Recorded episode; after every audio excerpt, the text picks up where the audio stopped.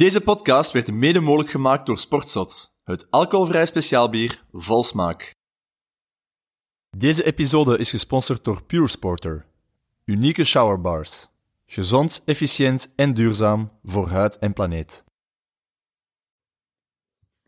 Dag Nico. Dag Thibaut. Alles goed met u? Uh, ja, ja, goed en met u? Ja, een hele nieuwe zitting. hè? Ja, we zitten hier uh, in het mooie Capelle. Uh, uitgenodigd door Jean Guinet.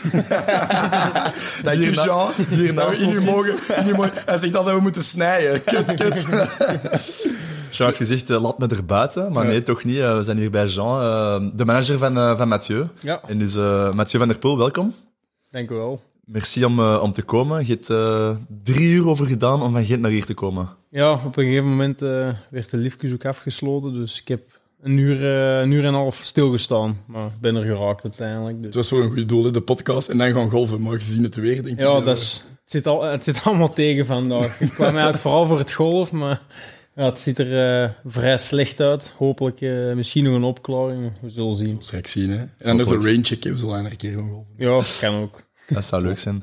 Ja, het is wel... Ik rij niet graag met een auto, persoonlijk. Omdat ik... Ik ben ook een... Ik kan niet zeggen een rugpatiënt, maar Mhm. ik heb vaak last van mijn rug. Eh, ik weet dat jij ook in het verleden Mhm. eh blessures hebt gehad aan je rug. Denk dat dat een probleem is naar ja, de toekomst toe om zoveel in de auto te zitten. Maar op zich zit ik niet zo heel veel in de auto, dus Nee? ehm, probeer dat eh, te beperken. Maar we zijn natuurlijk wel veel onderweg. Maar met de auto zelf reis ik niet zo heel veel, of dat probeer ik toch te vermijden. Als je naar de bakker gaat. Maar ik ga ook niet naar de bakker. Jean doet dat. Ja, je gaat naar de winkel, of dat doet ook niet. Nee, ook eh, zelden. Ik moet eerlijk toegeven dat mijn, eh, mijn vriendin eh, bijna alles doet. Dus ehm, ja, dat is een goede verdeling. Een goede verdeling, ja. Houd ze maar heel dicht bij u. Ja, ja, ja. Dat dat een Kijk, goeie is. Ik is zeker waar, ja. Hoe zit dat bij u? Ik denk hetzelfde. Daarmee dat ik het zeg, houd ze maar heel dicht bij u. Nico, Nico heeft een sponsorcontract geregeld voor te eten. Dat is Ah ja, oké. eh, ja, Dat is eh, helemaal goed. Nee, dat is, ja, dat is sowieso wel top, maar ik denk gewoon puur alles ernaast eh, naar de winkel gaan en zo. Allee, ehm, ik doe het al meer dan, dan vroeger, maar ja, Margot die doet dat ook gewoon graag. Die vindt dat ook echt plezant, die vindt dat leuk om te zeggen, oh, we moeten dat en dat en dat hebben, en dan maakt die lijstjes en dan... Dat is bij ons ook wel zo. Dus, eh, Uiteindelijk met Foodmaker heb ik het ook al gedaan, een periode dat die... Toen eh, voor het WK in Oostende, de cross, ook twee weken gewoon s ochtends, middags, avonds eten leverde. En moest ik alleen zijn, zou ik daar denk ik wel eh, meer gebruik van maken. Maar bij mij is dat hetzelfde. Roxanne doet ook gewoon graag, die kookt graag. En Mm. Ehm, ja, dat is toch altijd wel, eh wel Kan, ze een beetje, kan ze goed koken? Ja, ja Ah. ze kan goed koken.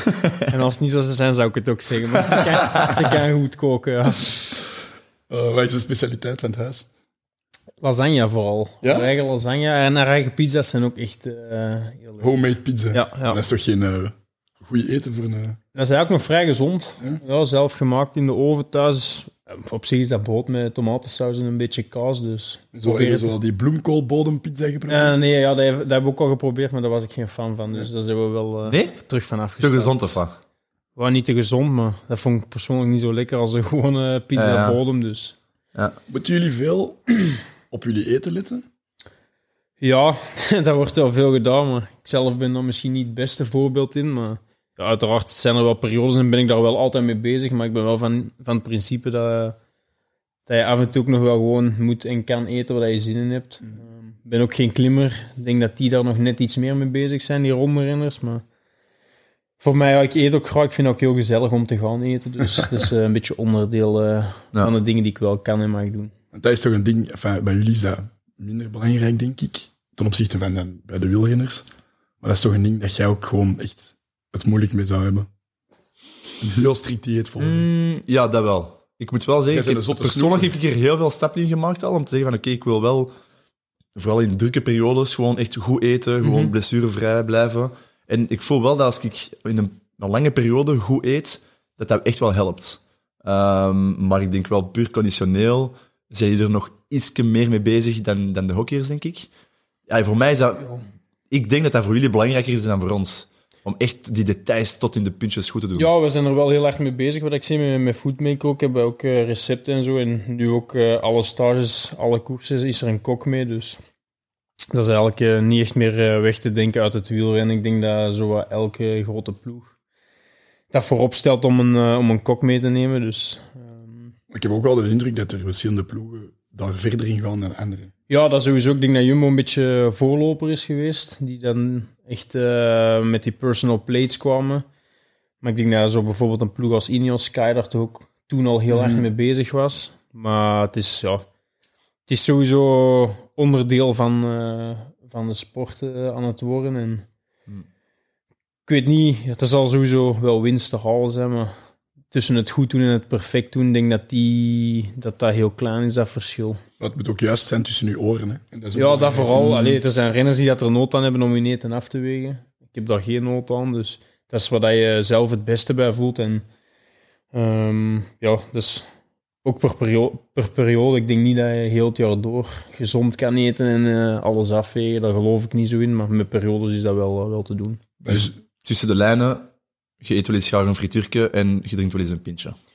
Nee, pintje niet, want ik lust geen bier. Dus Nee? dat is niet zo moeilijk om af te blijven. Ehm, over het algemeen, alcohol zal ook niet zo heel vaak voorkomen. Als dat voorkomt, is dat wel gelijk all the way dat ik, dat ik Ja. het weer even gehad heb. Maar Dat snap ik wel. eigenlijk eh, komt dat heel zelden voor. Ik vind het ook makkelijker om niet te drinken dan om eentje te drinken. Ja, dat snap dus ehm, doe ja, in Dat is iets waar we in deze podcast al veel over hebben Ja. gepraat. Bodem, We hebben bodemdrang. allemaal de aan uit. We hebben een bodemdrang. Ja. Ja, ja, ja, oké. En we zijn niet de enigste. Ik kan je wel echt eh, zeggen dat alle sporters die bij ons zijn komen allemaal bodemdrangen hebben. Nee, ja, dat is ook zo. Ja. Dat is, als, dat, eh, als je dat heel weinig mag doen en mocht dan eens doordrinken, Ja. dat merk Ja, maar ook als je dat meer mocht doen. Ja, maar daar heb ik eigenlijk eerlijk gezegd echt geen moeite mee. Ik zou het eh, moeilijker hebben om dan mijn frietje te laten dan eh, We bestelden bij de frituur. tegenwoordig eh Biggie Burger. Ik heb eh, nog maar pas ontdekt, als ik het zo mag Maar nee. Ik pak dan... Ja, ik wist wel dat dat was, Ja, maar het ik is een best- hè. het is geen Ja, Belg. hè. ja. En dan de curryworst speciaal. Ja, ja, ja, tuurlijk. Ja, dat- Jawel, jawel, jawel. Nou ja, dat wel, maar ik pakte altijd gewoon kipcorn en eh, een kroket eigenlijk. Maar tegenwoordig ook altijd een Biggie Burger. Ja, ik bij Biggie Cheese moet eens proberen. Ja, dat hebben ze mij ook al. En Biggie Wrap zou ook redelijk goed zijn, maar dat heb ik ook nog niet geprobeerd. Bikkie heb ik ook nog niet geprobeerd. Ja. Big cheese is wel lekker, maar soms is toch de klassieke bikkie nog het allerbeste. Maar ik heb goesting in frieten. We kunnen dat straks doen in plaats van golf misschien. Nog beter. Maar ehm, je, zei er straks al, eh, je zei er straks al dat Jumbo is er veel mee bezig. Die hebben ook een applicatie. Mhm. Is dat iets wel dat jij ook af en toe doet, noteren? Want je zegt, ja, ik weeg het niet af, maar wel een keer checken van, oké, wat mag ik eten nu in deze periode? Hey, want de Tour de France komt er bijna aan. Ik kan me wel voorstellen dat je er nu wel even harder mee bezig bent dan misschien vier maanden geleden. Nee, sowieso thuis weeg ik nooit af. Ehm, maar we hebben met Foodmaker, dus onze sponsor, die hebben ook een app. En die wordt wel gebruikt op stage bijvoorbeeld. En daar staat wel, als je terugkomt van je training, wordt dat daarin Ja. upgeload. Dan ziet je hoeveel calorieën dat je hebt verbrand. En dan geeft hij een referentie met wat dat je moet eten. Ehm, dus dat wordt, dat wordt dan wel gedaan. Je doet dat wel, maar eigenlijk boeit je dat niet superveel. Ehm, ik ben meer wat ik juist zeg. Ik denk, ik zit ook al heel lang in de sport, dus ik weet een beetje wat ik moet eten en hoeveel.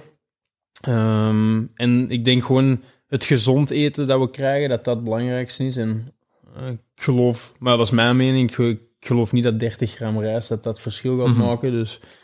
Maar ik eh, ben wel met eten bezig, ja, dat wel. En stel je voor, ik, allee, ja, ik weet niet wat dat je plannen zijn of niet, of dat je heel Mhm. je leven in je ploeg gaat blijven, maar stel je voor dat je naar een ploeg zoals Ineos zou gaan en dat die zeggen, ja Mathieu, maar je gaat wel dat en dat en dat en dat eten. Is dat voor u een optie? Of? Ja, jawel. Ik zou dat sowieso wel eh, een kans willen geven ook. Ehm, maar het is makkelijker als het voor u gedaan wordt, denk ik. Als je, eh, ik ben vooral bezig met mijn trainingen en daarbuiten probeer ik mijn eigen met zo weinig mogelijk bezig te houden. Dus ehm, in een ideaal scenario komt je terug van training en staat er gewoon een bord klaar met Ja. afgewogen eten en ligt daar alles op. Dat zou het heel makkelijk maken.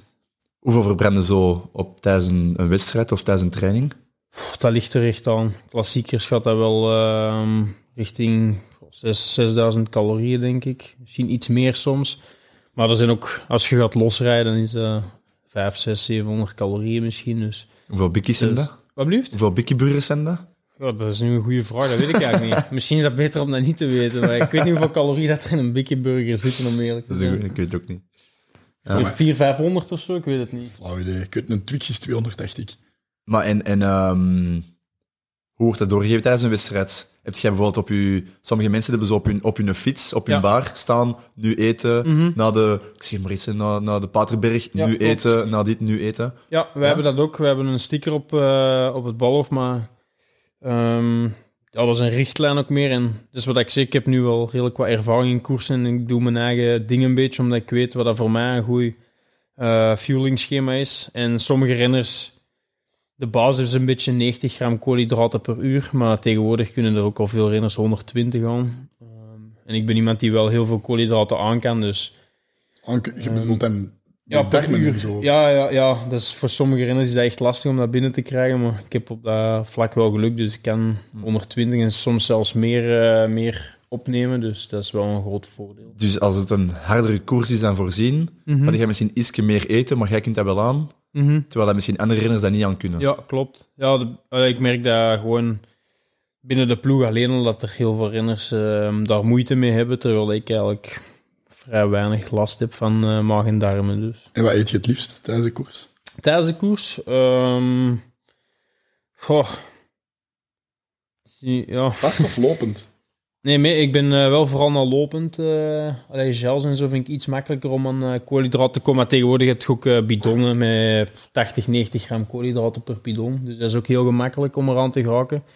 Bidonnig bedoelt met water dan. Eh, met, met sportvoeding in. Ah, Ehm, ja, dus dan kun je, daar kun je met je dosering werken ook. En dan kun je wel heel makkelijk... ik zou zeggen, als je 90 gram koolhydraten uit je bidon had en je pakt een gel van 30, dan heb je al 120 per uur. Dus dan is het vrij makkelijk om eraan te geraken. Maar je moet dan natuurlijk wel 6, 7 uur aan een stuk kunnen blijven doen. En dat is het moeilijke soms. Ja.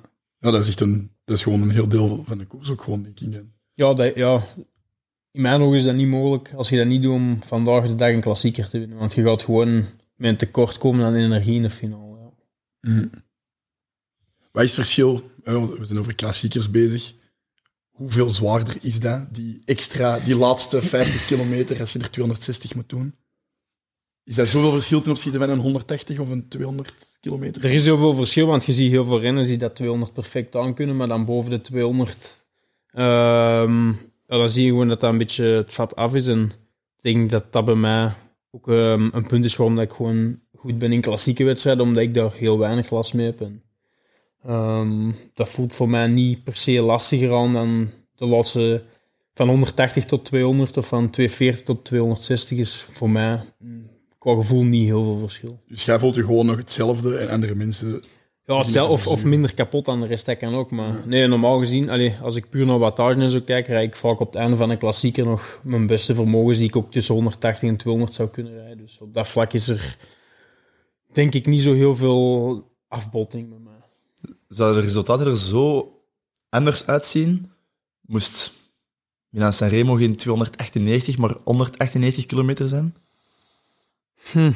Dat is een goede vraag. Ik denk dat wel, ja. Ja, toch? Ja, ik denk het wel. Maar Sanremo is nu wel een specifieke wedstrijd, omdat dat Ja. heel rustig is. Dus je hebt wel die lengte nodig om op het einde zwaar te maken. Maar Mhm. ik denk wel dat, eh, dat dat een verschil maakt. Maar als je dan bijvoorbeeld naar E3 en, en de ronde kijkt, ehm, waar dat ook een 60, 70 kilometer scheelt, dat zijn wel dezelfde hoofdrolspelers, maar Ja. je ziet gewoon dat er af en toe iemand ja, zonder energie komt te zitten. Ja, maar ik zei dat ook vooral omdat ik... Allee, ik ben iemand... Ik kijk heel graag van het begin naar het einde van een koers, Mhm. om te weten hoe is, wat is het ko- het koersverloop, wie heeft er eigenlijk al gewerkt, wie heeft wat gedaan. En bijvoorbeeld de Giro, als je kijkt naar de Giro, er zijn etappes waar je, ik weet niet, twee beklimmingen hebt, Mhm. eh, die op ongeveer op 80 kilometer van de, van de finish staan. Maar je hebt daarvoor heb je nog 100, 120 kilometer plat. En je hebt al een paar keer gehad in de Giro dat dat, dat, dat plat gedeelte geannuleerd is geweest en dat ze gewoon direct beginnen met, met de bergetappen. En dan denk ik van ja, dat is ook wel een, een leuke etappe. Voor de mensen thuis is dat heel leuk.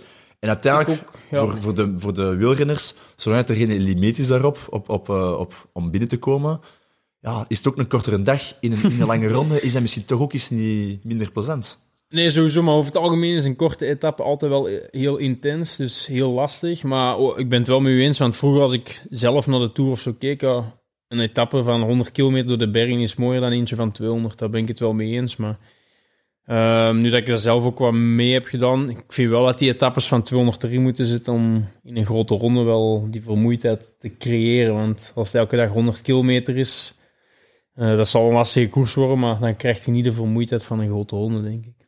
Dus het systeem dat nu is, is eigenlijk perfect? Of Ja, zou je het toch anders willen doen? Ja, perfect. Voor de ene zal dat goed zijn, voor de andere die zal iets anders willen. Maar je ziet wel dat ze... Ja, er zijn kortere ritten bij. hè. Vroeger was dat nog minder. Maar je ziet wel dat nu in de Tour zit ook weer denk ik een, een van 120 kilometer, wat dat eigenlijk vrij kort is. Maar wat even te kijken, dat is inderdaad een etappe dat ik als gewone toeschouwer ook van begin tot einde zou kijken. Terwijl, wat je zegt, als de eerste 100 vlak is. Ja, voor, voor mij is dat nu wel leuk, omdat totstandkoming van de ontsnappingen en zo vind ik ook altijd wel leuk om te kijken. Maar Mhm. meestal gebeurt er wel het meeste in een korte etappe. Ja.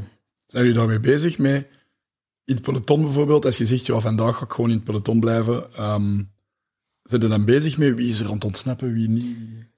Goh, Of interesseert u dat Als je dan weet dat het een voluit? superdag voor Weigen is eigenlijk. nee, dan, dat maakt dat niet uit. Dan zit er Nee. gewoon eigenlijk wat Dan zit er gaan, gewoon in ja. het peloton, maar dan maakt het eigenlijk cru gezicht niet uit wie dat er wegrijdt. Ja. We hebben dingen Florian Vermeers op de podcast gehad en die zei ja, dat in het peloton dat is wel duwen en trekken. Maar die zei wel dat bepaalde grote namen niet echt moesten duwen en trekken. Is dat bij u het geval? Gaan ze voor u opzij? Alain Philippe bijvoorbeeld was wereldkampioen en hij mocht wel door Ja, nee, dat, heen is- dat zal sowieso wel verschil zijn natuurlijk. Maar als, als het puntje bij paaltje komt eh, in de Ronde van Vlaanderen naar de Quaremont, moet, ieder, moet iedereen evenveel wringen en vechten voor zijn plek. Maar als het nu iets rustiger is, zullen ze er misschien wel iets makkelijker door laten. Ja, maar het is niet zo dat wij eh, gratis op de eerste rij mogen rijden. Dan zie je wel dat je wat meer aanzien hebt in het peloton ten opzichte van andere Of merk je daar weinig van? nee. Ik zelf merk daar niet zo heel veel van, maar ehm, ja, het is wel zo dat ja, sommige ploegen dwingen daar gewoon een beetje meer af dan anderen om vooraan te kunnen rijden natuurlijk. Ja. Maar in, allee, je lijkt me ook een heel bescheiden persoon en misschien ook op de fiets. Je zit er misschien ook niet mee bezig van een keer zien wie dat er mij hier laat passeren. Terwijl je hebt ook wel van die mannen met macho-gedrag die misschien gaan zeggen en ze gaan mij hier laten passeren. Je zit er gewoon niet mee bezig misschien. Nee, over het algemeen maak ik eh, ook zeer weinig ruzie in het peloton. Als ik zie hoe druk de anderen zich op elkaar maken, probeer ik dat niet te doen. Maar als er echt iets gebeurt waarvan ik niet echt akkoord ben, dan eh, zou ik dat ook niet laten. Maar ik denk dat ik over het algemeen een eh, renner ben die vrij weinig wringt en risico's neemt tijdens de wedstrijd. En daar is een Ehm, ticket gedeeld. Nooit met mijn handen van stuur, maar ik heb wel al, wel al een paar keer iemand aan de kant geduwd. En waarom? Ja, omdat die gewoon gevaarlijk komen doen. En dat is gevaarlijk niet alleen voor mij, maar voor de rest van het peloton. Op momenten dat het niet nodig is. Dus dan eh, ja, moet ik mijn plaats ook verdedigen, om het zo te zeggen. Dat was een, een veelgestelde vraag van fans. Wie zijn echt zo de, ja, de lastige mensen in het peloton? Je hebt toch sowieso ene die nu Maar ja, van boven in hun hoofd zit. Ja, ja, tuurlijk zit er eentje van boven in mijn hoofd. Maar ik ga die nu niet bij naam noemen, maar uiteraard... eh, er zijn in de ploeg, in elke ploeg zijn er wel een paar namen. En dan merk je ook dat je met andere renners spreekt die, die iets minder in het peloton liggen. Maar gewoon ook omdat, ja, omdat die de risico's nemen, maar dat soms niet nodig is. En zijn toch vaak dezelfde. Ja. Zijn dat vaak sprinters? Zijn dat vaak mensen die willen ontsnappen? Of is dat puur gewoon het karakter van Nee, een bepaalde... karakter Ja. eigenlijk. ja. Waarom sprinters? Omdat je denkt, en die zijn wel op, op Omdat je wel hoort in ja, de laatste 10 kilometer dat die daar echt wel eh, dingen durven doen. Ja, maar dat die- geldt ook voor de lead-outs dat ervoor rijden. Ja. Dat is niet alleen de sprinters, maar eh, over het algemeen... Dus wat ik zeg, je moet ook wel als sprinter, want als je het niet doet en je remt één keer, dan zet je twintig plaatsen naar achter. Ja, bij wijze van tuurlijk. spreken, wat dat niet wil zeggen dat je risico's moet nemen die niet nodig zijn, maar je moet wel je plaats verdedigen. Ja. Het beste voorbeeld is, is Mark Cavendish, die Mhm. toch allee, misschien wel het grootste palmarès heeft als sprinter aller tijden in het wielrennen. En er wordt hier ook even aangebeld. en Mark Cavendish heeft, eh, heeft het, waarschijnlijk het grootste palmarès. En wordt ook wel is echt gekend als een beetje de... Allee, een- Mhm. een, een gast met, die, die heel rustig is naast het, eh, naast het fietsen. Mhm. Maar die heeft toch ook al een paar dingen uitgedeeld. Hè. En zelf, ik denk, uit de Tour gezet geweest op een bepaald Ja, moment. klopt. Ja, dat was die zo, echt zo met zijn Met zijn elleboog of, kop, kopstoot. Ja, of ik tegen weet niet toen, denk ik. Ja, exact. Ja. Ehm, ja, je moet wel een, ja, je moet een beetje als sprinter, maar ik vind niet dat je een vuile sprinter moet zijn. Ehm, sowieso, je lijn houden vind ik al vrij belangrijk. Ja. Ehm, maar je moet, ja, je moet wel een beetje, want Ja, als je niet wilt wringen en niet eens een duw wilt geven, is het heel moeilijk om aan die sprint. Ik merk dat nu heel hard ook. Ik zit in de, in de lead-out van Jasper nu als we samen koersen vaak. En ja, je moet af en toe wel je eigen breed maken. En ehm, ja, als je dat niet doet, dan, dan geraakt je daar gewoon niet. Dus. En doe je dat graag, die lead-out? doe de lead-out op zich doe ik heel graag, maar ehm, soms wat dat er voorkomt, zoals de laatste etappe nu in, in, in de Baloise Tour, dat is wel... eh allee, daar moet je wel attent zijn, ik zal het zo zeggen. Dat is niet, eh, Wat bedoel je? niet dat, zonder risico. Dat hij gevallen is. Nee, nee, hem, hij is of- niet gevallen, maar het was gewoon een- echt een, een gevring en gepositioneerd en ze kwamen van alle kanten. En, ehm, dan moet je wel ja, attent zijn bij de lessen en dat is niet zonder risico. En is dat iets dat je zelf het voorgesteld van ik wil die lead-out wel doen? Of is dat iets dat ze u gevraagd hebben om te doen? Nee, ja, een dat- beetje een combinatie van de twee, maar ik, ik, ik zeg, ik doe dat heel graag voor Jasper. En ehm, ik denk ook dat ik voor hem een goede lead-out ben, omdat ik bij hem wel eh, gewoon ja, echt vol mag aanzetten. Hij vindt dat niet erg en dat, is, ja, dat klikt gewoon goed tussen ons en dat is ook al gebleken dat dat wel, eh, wel succesvol is. Is hij je beste maat in het wielrennen? Voor beste maat, wel een van mijn goede vrienden. Ik ga niet zeggen dat ik echt een beste maat heb, maar over het algemeen eh, in de ploeg heb ik wel een paar echt goede vrienden en eh, dat, dat klikt gewoon. En naast de koerswereld zijn u, echt uw naaste, naast uw familie dan, maar echt uw, uw close friends. Zijn dat dan mensen van het wielrennen of totaal niet? Ja, die, eh, die weten wel, de meeste ja, zijn wel een beetje betrokken in het wielrennen, maar ja, ik heb eh, op zich gewoon heel weinig tijd ook om, om daar nog mee af te spreken eh, naast de koers. Maar ik probeer als ik in het land ben wel, wel daar tijd voor te maken. Maar het is niet dat die eh, zelf, zelf echt koersen. De meerderheid heeft wel gekoerst en koersen nu af en toe voor het plezier ook, maar het is niet dat dat allemaal coureurs zijn. Wat vind jij dan... Is de zwaarste berg van een tour? Goh, de zwaarste... Ja, ik heb de Tour nog nooit uitgereden, dus ik ben, eh, ben eigenlijk nog niet echt tot de echte beklimming geraakt. Dus deze jaar zit ehm, bijvoorbeeld Col de la Loze erin, dat is wel een heel lastige klim. Maar ja, het ding is, ik moet... Ik denk dat het anders is als je voor de overwinning moet rijden. Dan voor mij, ik weet toch dat het niet echt eh, voor mij gaat zijn die dag, dus ik moet gewoon proberen zo rustig mogelijk binnen te komen. Maar Col de la Loze is wel, eh, wel een lastige klim, ja. Ik vond de Madeleine een heel lastige. Langs welke kant? Oh, dat moeten we niet om mij vragen. Maar is de moeilijke kant. Ja. moeilijke kant. Ja, nee, er is een, ja, ik heb hem nu pas gedaan, omdat we daar ook zaten natuurlijk.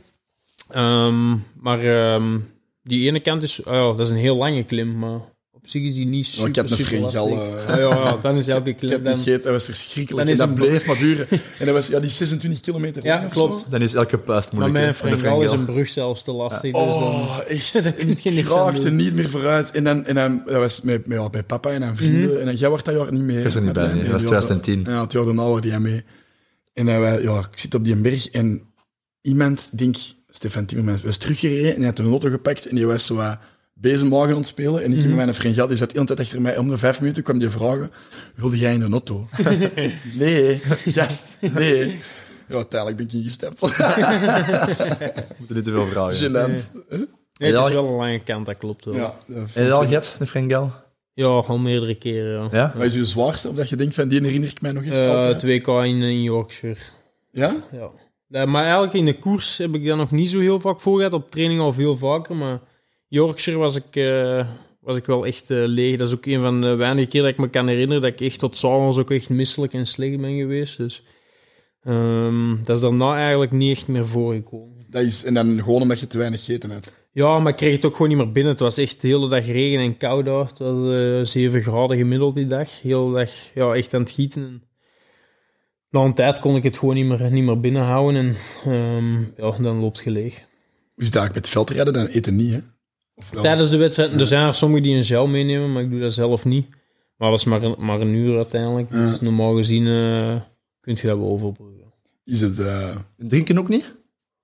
Als het warm is, voor die regel, ja, ik weet niet wat het van buiten, maar ja, je mocht sowieso altijd gewoon bidonhouder op je fiets meenemen. En sommige wedstrijden dacht ik, als het boven de weet ik veel hoeveel graden is, mocht je langs de kant een bidon aanpakken, maar dat mag eigenlijk niet, als het niet, niet warm genoeg is. Ah, maar dat is ook belachelijk, hè? Ja, ik, vind ook, ik snap dat ook niet goed waarom dat die regel er is. Maar uiteindelijk, de meeste cross die ik doe, heb ik, ook niet, heb ik daar geen nood aan. Omdat ja, in de winter wat koud is en dan mist je dat niet echt.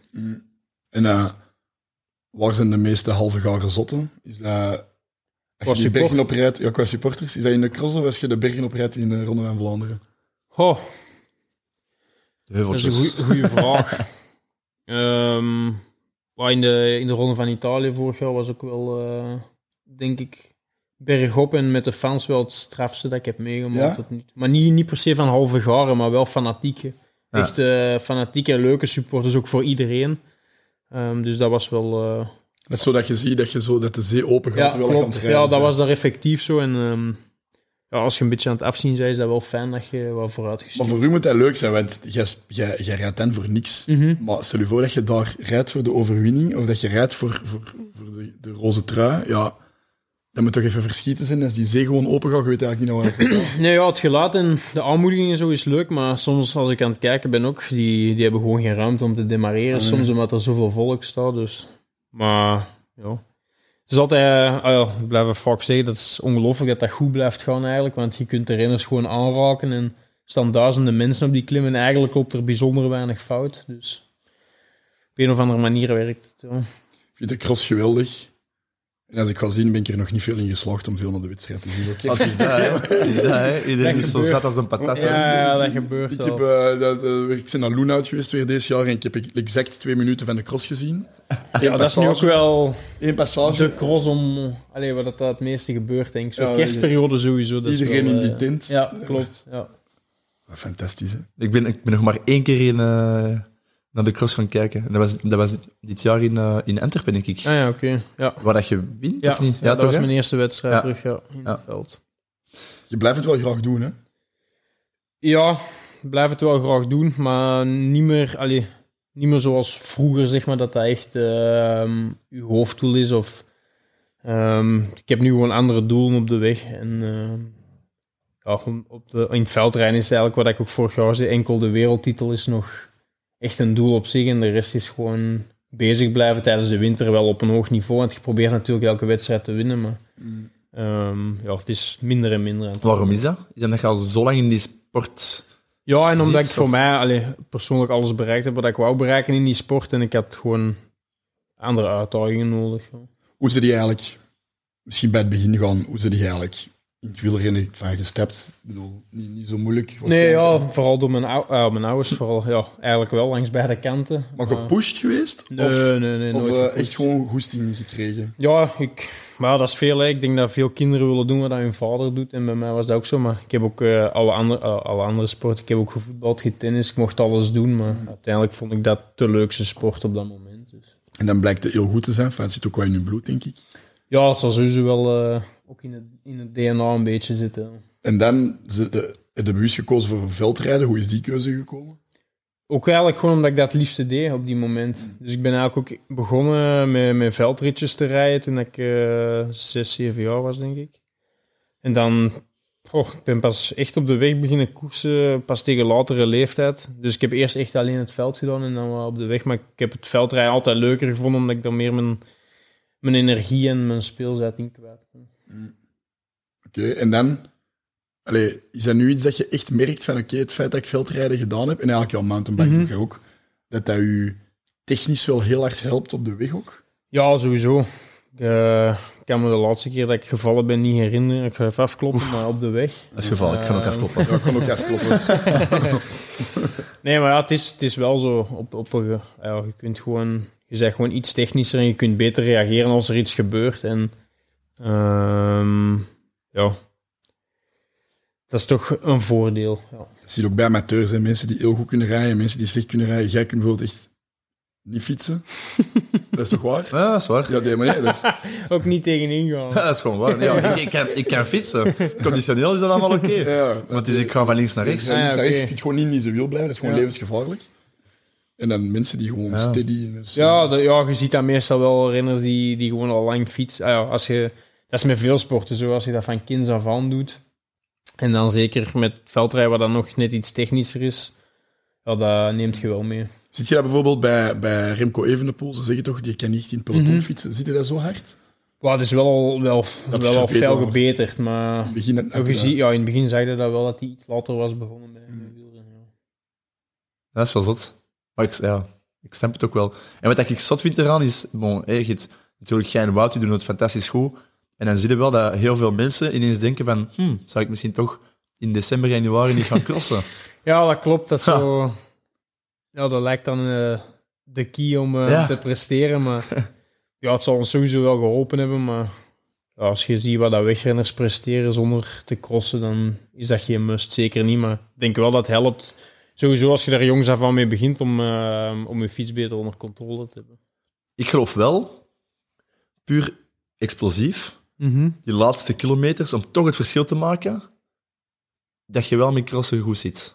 Ja, het is zo- beter dan als je gewoon heel je leven gewoon hebt... eh, Ja, dat, dat denk ik wel. Allee, het is sowieso een heel explosieve sport, dus je zult dat wel meenemen. Uh, maar ja, er zijn ook...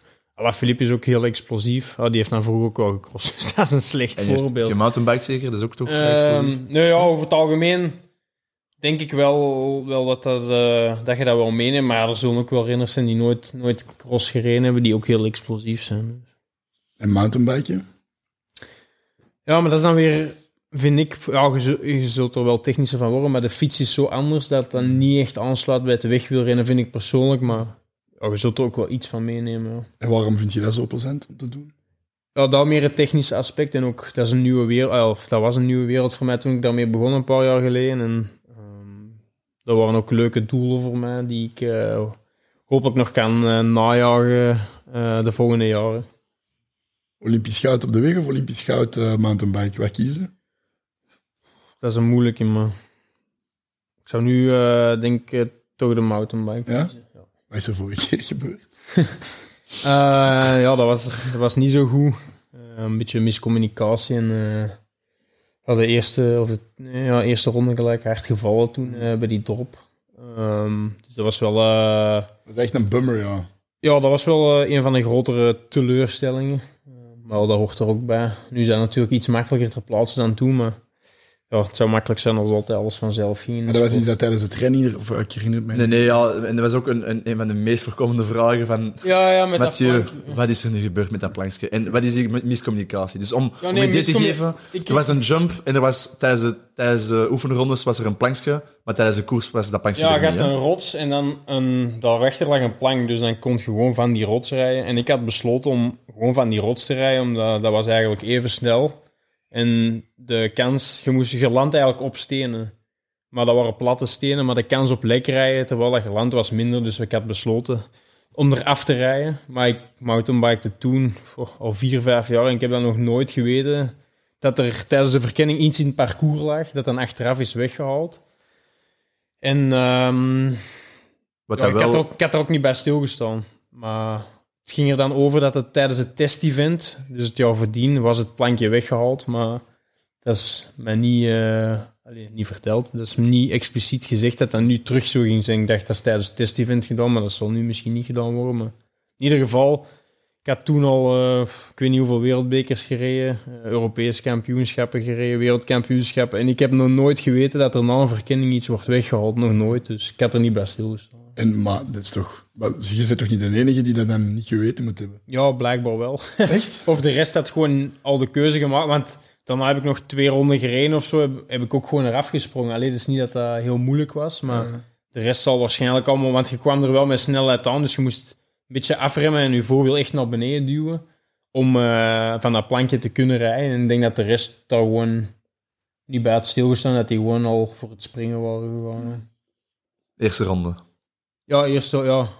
Ja, als het de tweede ronde was, had ik het wel ge- Ja, misschien de eerste ronde. Ik dacht, jij misschien eerst langs nee, ja, en de en tweede. dat is, ja, nee, ja, de eerste ronde gelijk. eh, maar ik verscho ah, verschoot. Ik wist ook niet wat Ja. er gebeurde, want ik duw mijn voorwiel naar beneden en daar is ineens niks meer. Dus dan, eh, Ja, je dan? Ja, terug op je fiets kruipen en ja, maar ik had mijn eigen echt zeer gedaan aan mijn heup. Ik ben, eh, als ik achteraf de foto's zie van de val, had het nog erger eh, kunnen zijn, denk ik. Maar, want die platte stenen waar ik dus niet op wou landen voor lek te rijden, daar ben ik dan met mijn rug op geland.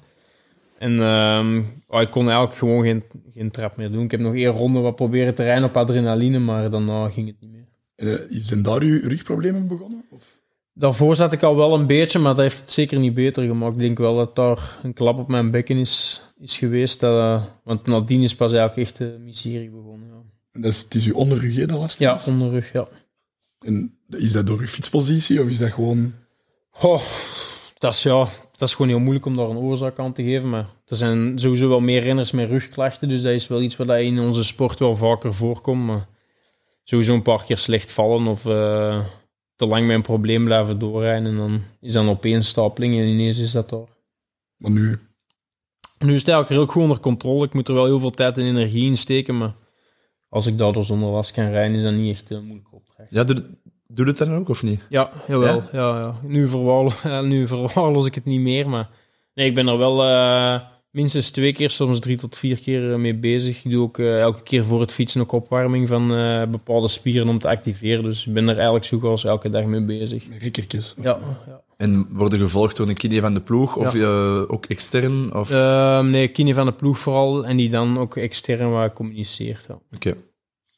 En dan hebben we het zo onder controle voorlopig. En eh, hopelijk blijft het beter. En, beter. En wat betekent onder controle? Ik, ik heb er geen last van, ik doe wat ik wil. Eh, ja, eigenlijk wel. Eh, af en toe een beetje last. Zoals vroeg, eh, echt zoals vroeger dat ik niks voel, is, is eigenlijk...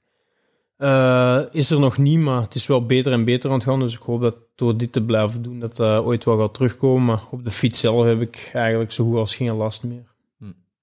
Ja, het probleem is natuurlijk, ja, je- wielrennen, je mag niet te veel spieren hebben van boven. hè. Mhm. De benen is allemaal goed, maar als je te veel buikspieren of armspieren of whatever hebt, dan ja, neem dat gewicht dat je meeneemt, dat je eigenlijk niks mee, niks mee kunt doen. Mhm. Eh, ik heb ooit problemen gehad met mijn rug. Het enige wat ze zeiden was, je rug trainen, buikspieren creëren. En dat is misschien iets dat je niet te veel mocht doen, ook niet. Ja, maar ik doe dat wel heel veel. Ah. Ehm, ik ben liever een kilo te zwaar en geen rugproblemen. Maar eh, ja, ik, ik moet dat gewoon doen, want anders krijg ik gewoon terug last. Dus Hm. ik moet daar aandacht aan besteden. Oké, dat is duidelijk. Ehm, in het begin van het jaar heb je even getwijfeld van, ga ik terug mountainbiken doen of Mhm. niet? Naar de Spelen toe. Je hebt uiteindelijk beslist om, om toch geen marches te doen dit jaar. Ja. Eh, hoe ziet die planning eruit? Of wat, wat wilde jij... Ja, dat was vooral ook door het wegvallen van, eh, van Valkenburg. Normaal gezien ging ik Valkenburg en Nové Mesto doen in Tsjechië. Maar Valkenburg is dan weggevallen. Wat dat inhield dat ik na het voorjaar... Allee, je moet rekenen dat we vanaf het crossen tot Roubaix... is eigenlijk één periode wat dat vrij lang is. En dan... Daarna was de enige rustperiode om dan op te bouwen naar deze periode. En dan moest ik eigenlijk mijn rust opgeven voor één mountainbike-wedstrijd in Nové Mesto. En dan hebben we besloten om dat niet te doen. Omdat dat ja, voor één wedstrijd heel die rust onderbreken, terug trainen. En dan, nu is het ook, omdat 2K dit jaar vroeg valt, dus de week na, na de Tour is gelijk WK, dus dan is dat weer een heel lange periode eh, zonder rust. Dus hebben we besloten om om dat niet te doen. En naar de Spelen toe? Heb je nu al besloten van, ik kan het niet doen, de volgende Olympische Jawel, Spelen? jawel, jawel. Ik zou nog steeds heel graag eh, naar Parijs gaan, daarmee dat ik nu ook naar het WK op de weg rijd, het WK mountainbike, zonder specifieke voorbereiding eigenlijk. Je Ehm, winnen, ik wil dat zien. Ja, winnen zal misschien wel iets te hoog gegrepen zijn, maar ja, uiteraard hoop ik wel eh, zeker voor die top 10 eh, te gaan, omdat dat normaal gezien voldoende zou moeten zijn voor eh, Voor een een ticket. ticket te krijgen voor de Spelen. Eh, dus dat is eigenlijk een beetje onze insteek om gewoon met... Normaal zit je in, in supergoeie conditie als je een beetje goed uit de Tour komt en dan voor het WK. Ehm, ja, en dan gewoon hopen dat er eh, iets moois iets mooi En daar komt. combineren, is dat mogelijk? Ja, maar ik bezie, allee, ik bezie het zelf niet echt als een combinatie, want 2K mountainbike pak ik er gewoon bij. Ik ga daar ook niet specifiek op trainen. Ik heb ook al heel lang niet meer op de mountainbike gezeten. Uh, maar ik ga gewoon ja, tot het alles op 2K wegzetten eigenlijk, ook de voorbereiding. En dan hopen dat ik op die week nadien een beetje terug kan winnen aan mijn mountainbike. En uh, dat ik op de, met de conditie van de weg een mooie uitslag Ja, maar ik, ik bedoelde uh, in Parijs, wat dat te combineren? Of is dat ook een Oh, beetje nee, maar- hetzelfde principe? Maar dan, als, als dat zou lukken, dan zou ik eh, volgend jaar wel terug meer gaan mountainbiken. Om dan eh, dat jaar wel meer een doel te maken van de Spelen. En eh, misschien ook het WK ook eh, nog mee te doen. En naar je vraag is of dat je dan ook op de weg... Of, Ja, ik weet niet, de wegrit in Parijs, is dat, is dat een Ah, mogelijkheid? ah Of- die, die combinatie, Ja, ja, ja. sorry. Met- met, eh, Ehm, God, dat heb ik nog niet echt bekeken, om heel eerlijk te zijn. Ik weet zelf niet welk parcours dat daar is. Nee, dus ja, ik ook niet. Dus. is Geen in idee. Parijs, zat niet gezien. Nee, het is niet in Parijs, denk Nee? ik. Maar... Flauw idee Dat eigenlijk. heb ik eigenlijk Oh, ja. nog niet Is het niet bekeken. Lille? Is het niet een beetje Roubaix-achtig? Ik weet het eigenlijk niet meer. Geen idee. Ja, dat gaat hem combineren. Hè? nee, ik, ik weet het zelf ook niet. Daar heb ik geen antwoord Ah, op. oké, ja. Ja, nee. Maar ehm, normaal gezien niet. Als Dat- ik dan eh, voor de speel op de mountainbike ga, zal ik me echt voorbereiden op, op Ja, de toch. mountainbike. Dus, um, is zijn een mountainbike is dat ook onder dezelfde ploeg? Ah, Dat is de nationale selectie. Ah, Dus dat is met Nederland. eh, ja, want dat is WK. Ook de, ja, maar de, de je gewone ook. speelt. De gewone marges niet. Nee, nee. Wereldbekers zijn gewoon eh, in de cross ook gewoon met, eh, met de eigen ploeg. Ja, maar is dat dan Alpecin eh, Ja, ja. Ja. de koning? Ja. Ik zeg altijd, Goed, die bogen zit erbij. Ja, maar Ja, ja, ja, in wielrennen, je kunt ook de mensen niet kwalijk nemen. Ja, dat nee, dat verandert elk verandert, jaar. dat verandert wel, eh, wel veel, dat geef ik wel toe, maar het was correct. Ja, maar dus daar, daar is dat is hetzelfde. Die, dat is ook uw entourage. Ja, in klopt, dat is gewoon- ja, mountainbiken. ja, ja, ja. dat wist ik eigenlijk niet. Af. Is dat belangrijk voor u? Dat allemaal op Ja, ik vind dat, vroeger gaf ik daar iets minder om. Ah ja, sowieso zijn er altijd wel dezelfde mensen mee. hè. Dus eh, dat is al sinds, eh, sinds dat ik bij de ploeg ben gekomen een beetje. Maar ik heb nu wel zo meer en meer vaste mensen waar ik eh, op kan terugvallen. Hoe zit je eigenlijk bij die ploeg gekomen? Via mijn, eh, via mijn vader ook. Die kende Christophe uh, Roodhoff nog van vroeger. En mijn broer reed daar toen al. Dus die was al wel prof bij die ploeg. En ja, ook toen ik eh, nieuweling, nee, junior. Ja, ik denk als nieuweling of zo kreeg ik mijn eerste fiets al via, via Christophe. Dus eigenlijk al vanaf dat ik eh 15, 15 jaar ben ongeveer, heb ik al contact met hun. En dan eerst bij de jeugdploegen gereden en dan daarna doorgestroomd naar, eh, ja, naar de profs. En altijd gebleven. Altijd gebleven, ja. Ik denk dat ik nu... Ja, mijn eerste profcontract was 18, ah, toen ik 18 was, dus dat is eh 10 jaar eh, dat ik prof ben bij hun nu. Ja, En het zit goed. ja, ja zeker. Het is eh, ja, beetje meer eh, familiegevoel, omdat ik er al zo lang bij zit ook. En ook, eh, ja, ik denk dat de ploeg ook wel enorme stappen heeft gezet met, met andere renners aan te trekken. En Mhm. dat zie je ook wel, dat, dat we gewoon in de breedte heel sterk zijn geworden. Vooral dit jaar eigenlijk, hè. Alleen, bedoel, de vorige jaren was wel... hè, Je hebt, je hebt eigenlijk Mathieu van der Poel. Mhm. Maar... En dan de laatste jaren kwam er Philipsen er een beetje bij. En, en dan hebben ze allee, toch een paar gasten aangetrokken dat je zegt van oké, nu zijn ze wel bezig met de breedte van de ploeg. Ja, en niet klopt. alleen maar met twee man te winnen, maar er kunnen wel ook andere gasten iets forceren, moest het nodig zijn. Ja, dat was ook een beetje de bedoeling, hè, om in de breedte wat sterker te worden. Maar ja, dat heeft ook tijd nodig. Je kunt niet... We zijn uiteindelijk gewoon op redelijk korte termijn, omdat ik op de weg wou rijden toen ik Nederlands kampioen in hoge rijden werd.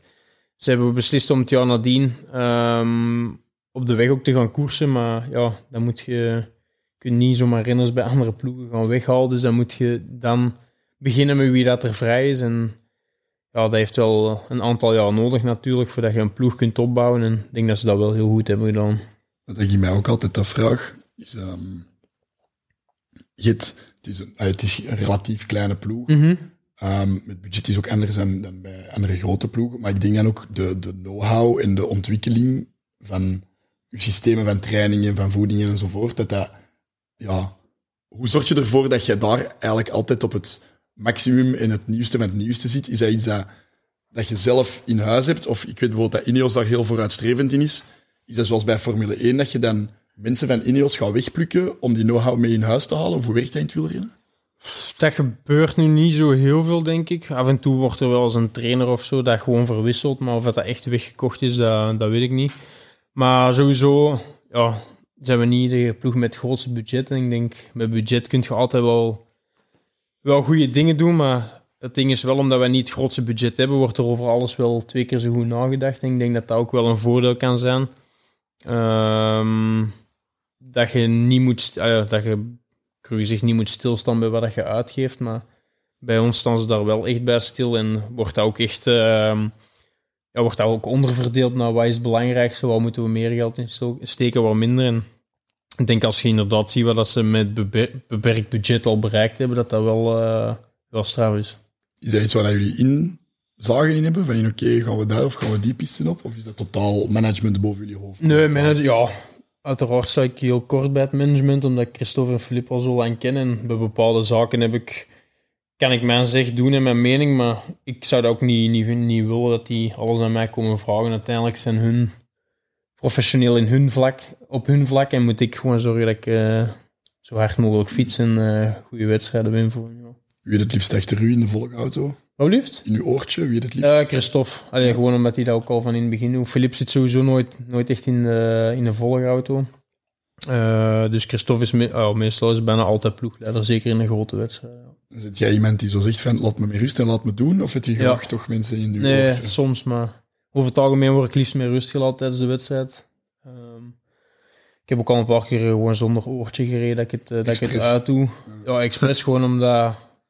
Ja, op sommige momenten heb ik liever gewoon dat dat stil is, maar andere momenten heb ik dat dan wel weer. En daarom dat Christophe weet dat ondertussen ook al dat hij niet de hele tijd mijn oortje moet, eh, dingen liggen roepen of zeggen. Ja, en- is dat, hoort heel de ploeg dat af? Kunnen selecteren wie dat waar hoort? Nee, heel de ploeg hoort dat. Altijd. Ja, ja Dus meestal als je wel. aan het schreeuwen is, come on Mathieu, come on ja, Mathieu, dan hoort normaal heel de ploeg. Allee, of moest zijn dat je soms natuurlijk, omdat als je in een kopgroep zit en het peloton is twee minuten achter, ja, met- dan is die radioverbinding niet zo heel top. Dus dan horen die dat waarschijnlijk niet zo goed. Maar normaal gezien is dat een open kanaal tussen alle renners en de volgauto. Ze hebben ook vaak zo aan die, allee, op een gegeven moment experimenteerd met koersen zonder oortjes. Mhm. Dat vond jij dan wel plezant. Ja, ik was daar wel fan van, maar vooral ook omdat de koerssituatie wordt nog veel eh, onvoorspelbaarder. Dus dan moeten de, de ploegen en de renners zelf ineens eh, ja, dingen beginnen doen. En eh, dat zie je, vind ik, bijvoorbeeld ook op, op WK's vaak, dat er daar ineens een situatie ontstaat waar je normaal in een andere grote wedstrijd zelden gaat tegenkomen.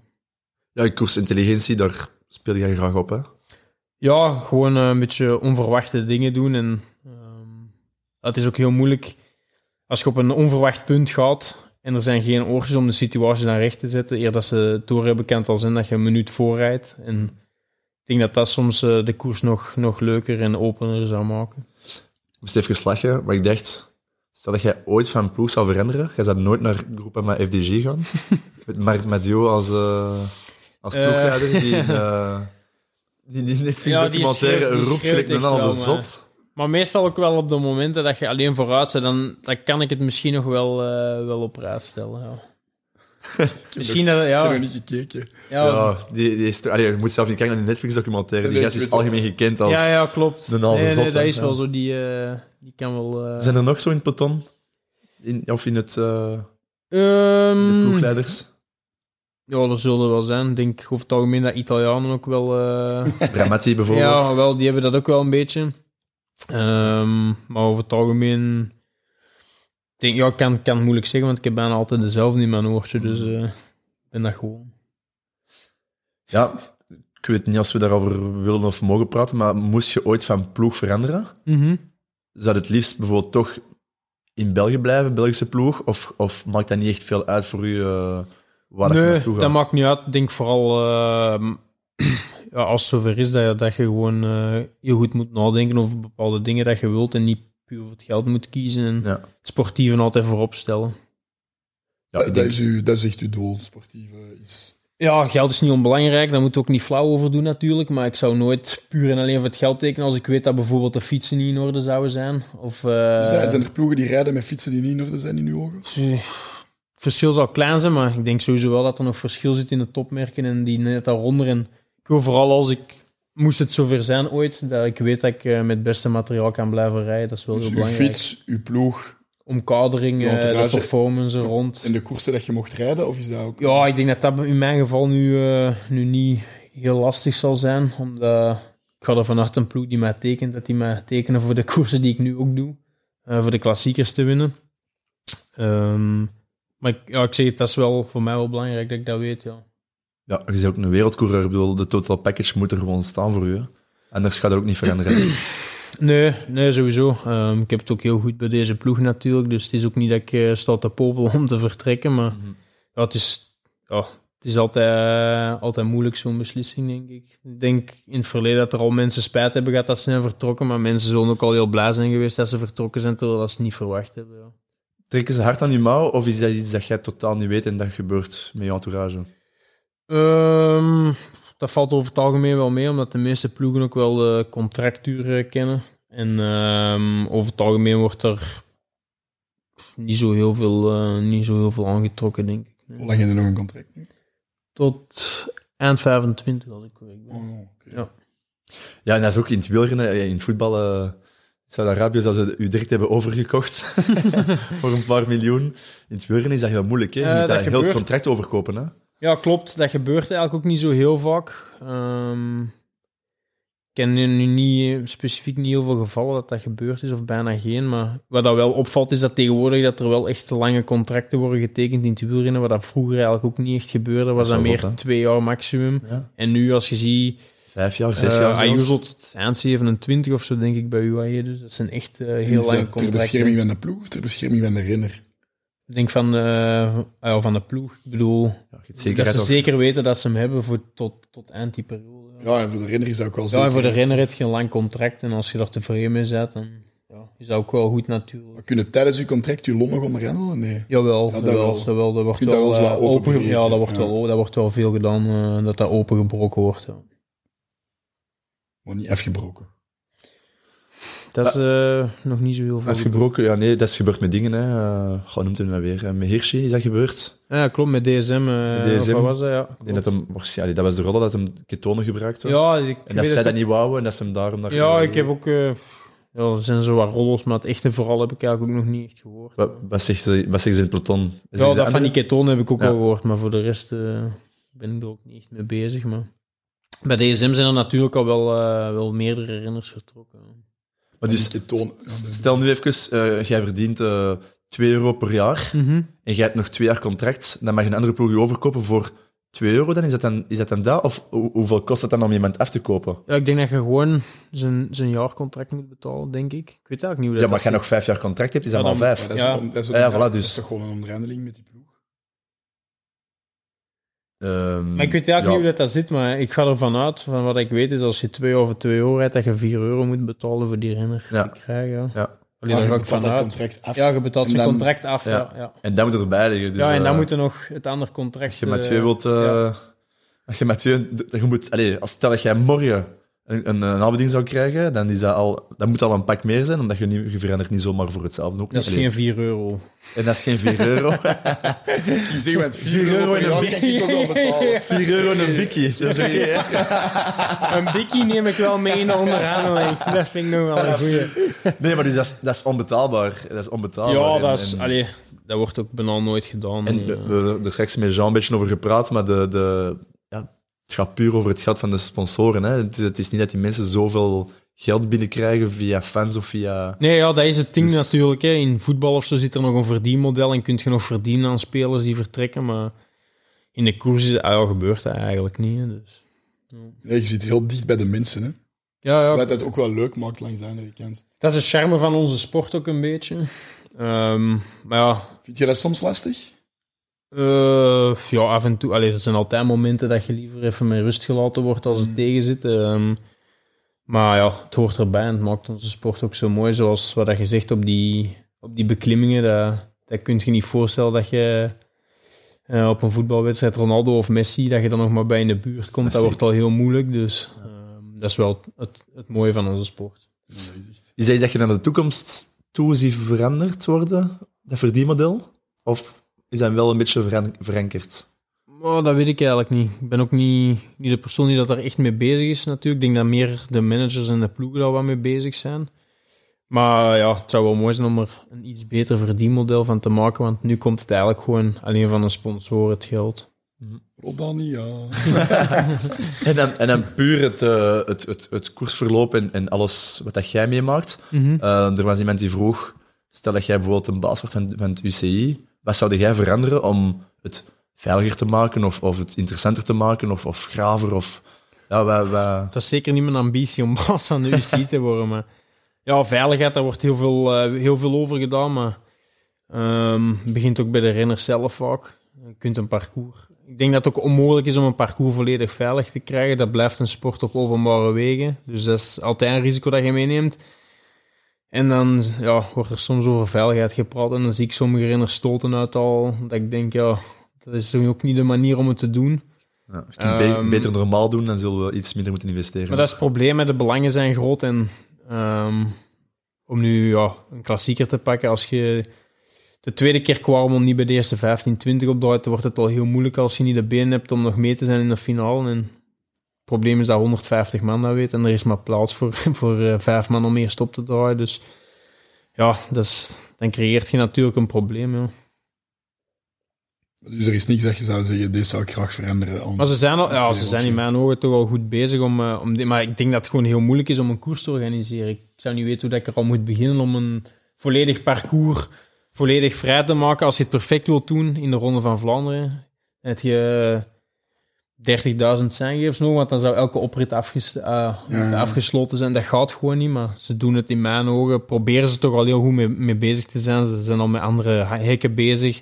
Die verkeerseilanden worden al beter afgeschermd, maar om een koers volledig ook- Allee, Sorry, ik moet ineens denken aan die wekko's die daar met hun vlagje en hun fluitje zitten in het midden van de weg. Dat je dat peloton daar op 50 per uur op zich ja, ja, ja. En dan denk ik, wauw, jullie zijn zot. En dan zie je zo echt op de laatst mogelijke moment gaat die zeer Ja, open. ja, klopt. Maar ooit gaat dat er toch op los op zitten, omdat er een niet aan top is al Maar dat is al gebeurd, ja. Oh my Maar god. Het belangrijkste voor die mensen is om te blijven staan, dat vooral. Een renner zal altijd wel aan de kant gaan, maar het loopt meestal mis als, als een supporter of een seingever begint te twijfelen links-rechts en dan begint de renner te twijfelen links-rechts, terwijl als je blijft staan, kiest de renner altijd wel een kant.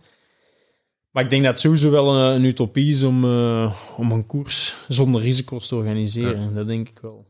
Zijn jij eens misgereden door een zijgever of door uw eigen? Of...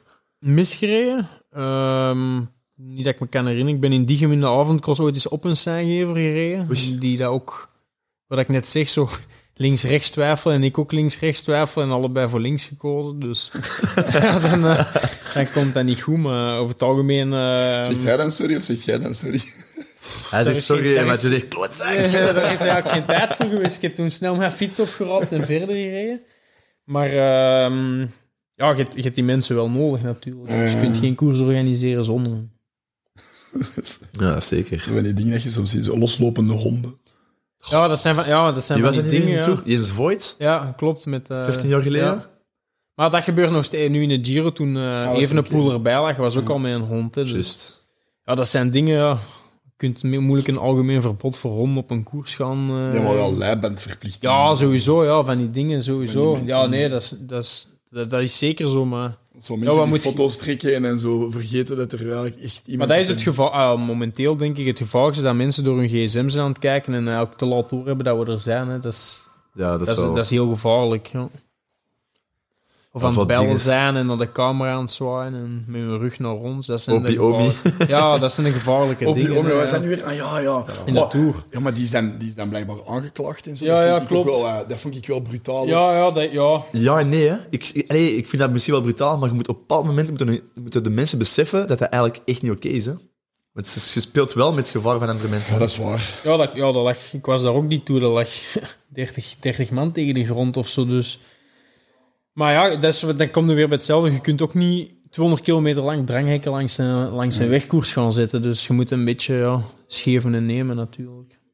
Wat is, toen dat je 16 waard, Mhm. wat was de koers waarvan dat je zei, als ik die ooit kan winnen, dan is het voor mij oké. Had je zo'n favoriet? Ja, toen was dat wereldkampioen veldrijden worden. Oké. Toen toen je was- 18 was. Ja, toen, wa- ja, toen ben ik wereldkampioen veldrijden geworden. Maar... Eh, Je bent te gemakkelijk. Het is te gemakkelijk. Ja, nee, dat jongen, zeker jongen. niet. Maar ja, dat was wel... ah, mijn eerste WK bij de profs in Tabor heb ik dan gewonnen. Dus dat was dat gelijk ja, iets wat ik...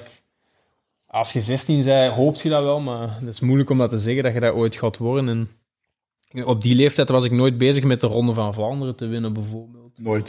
Dat Nee, interesseerde u niet. Goh, interesseerde niet zoveel. gezien. Dat was dan nog meer met Parijs-Roubaix, omdat dat toen... Ja, ik was toen echt met, alleen op de cross gefocust. En dat Ja. was zo... Toen was dat zo hetgeen wat...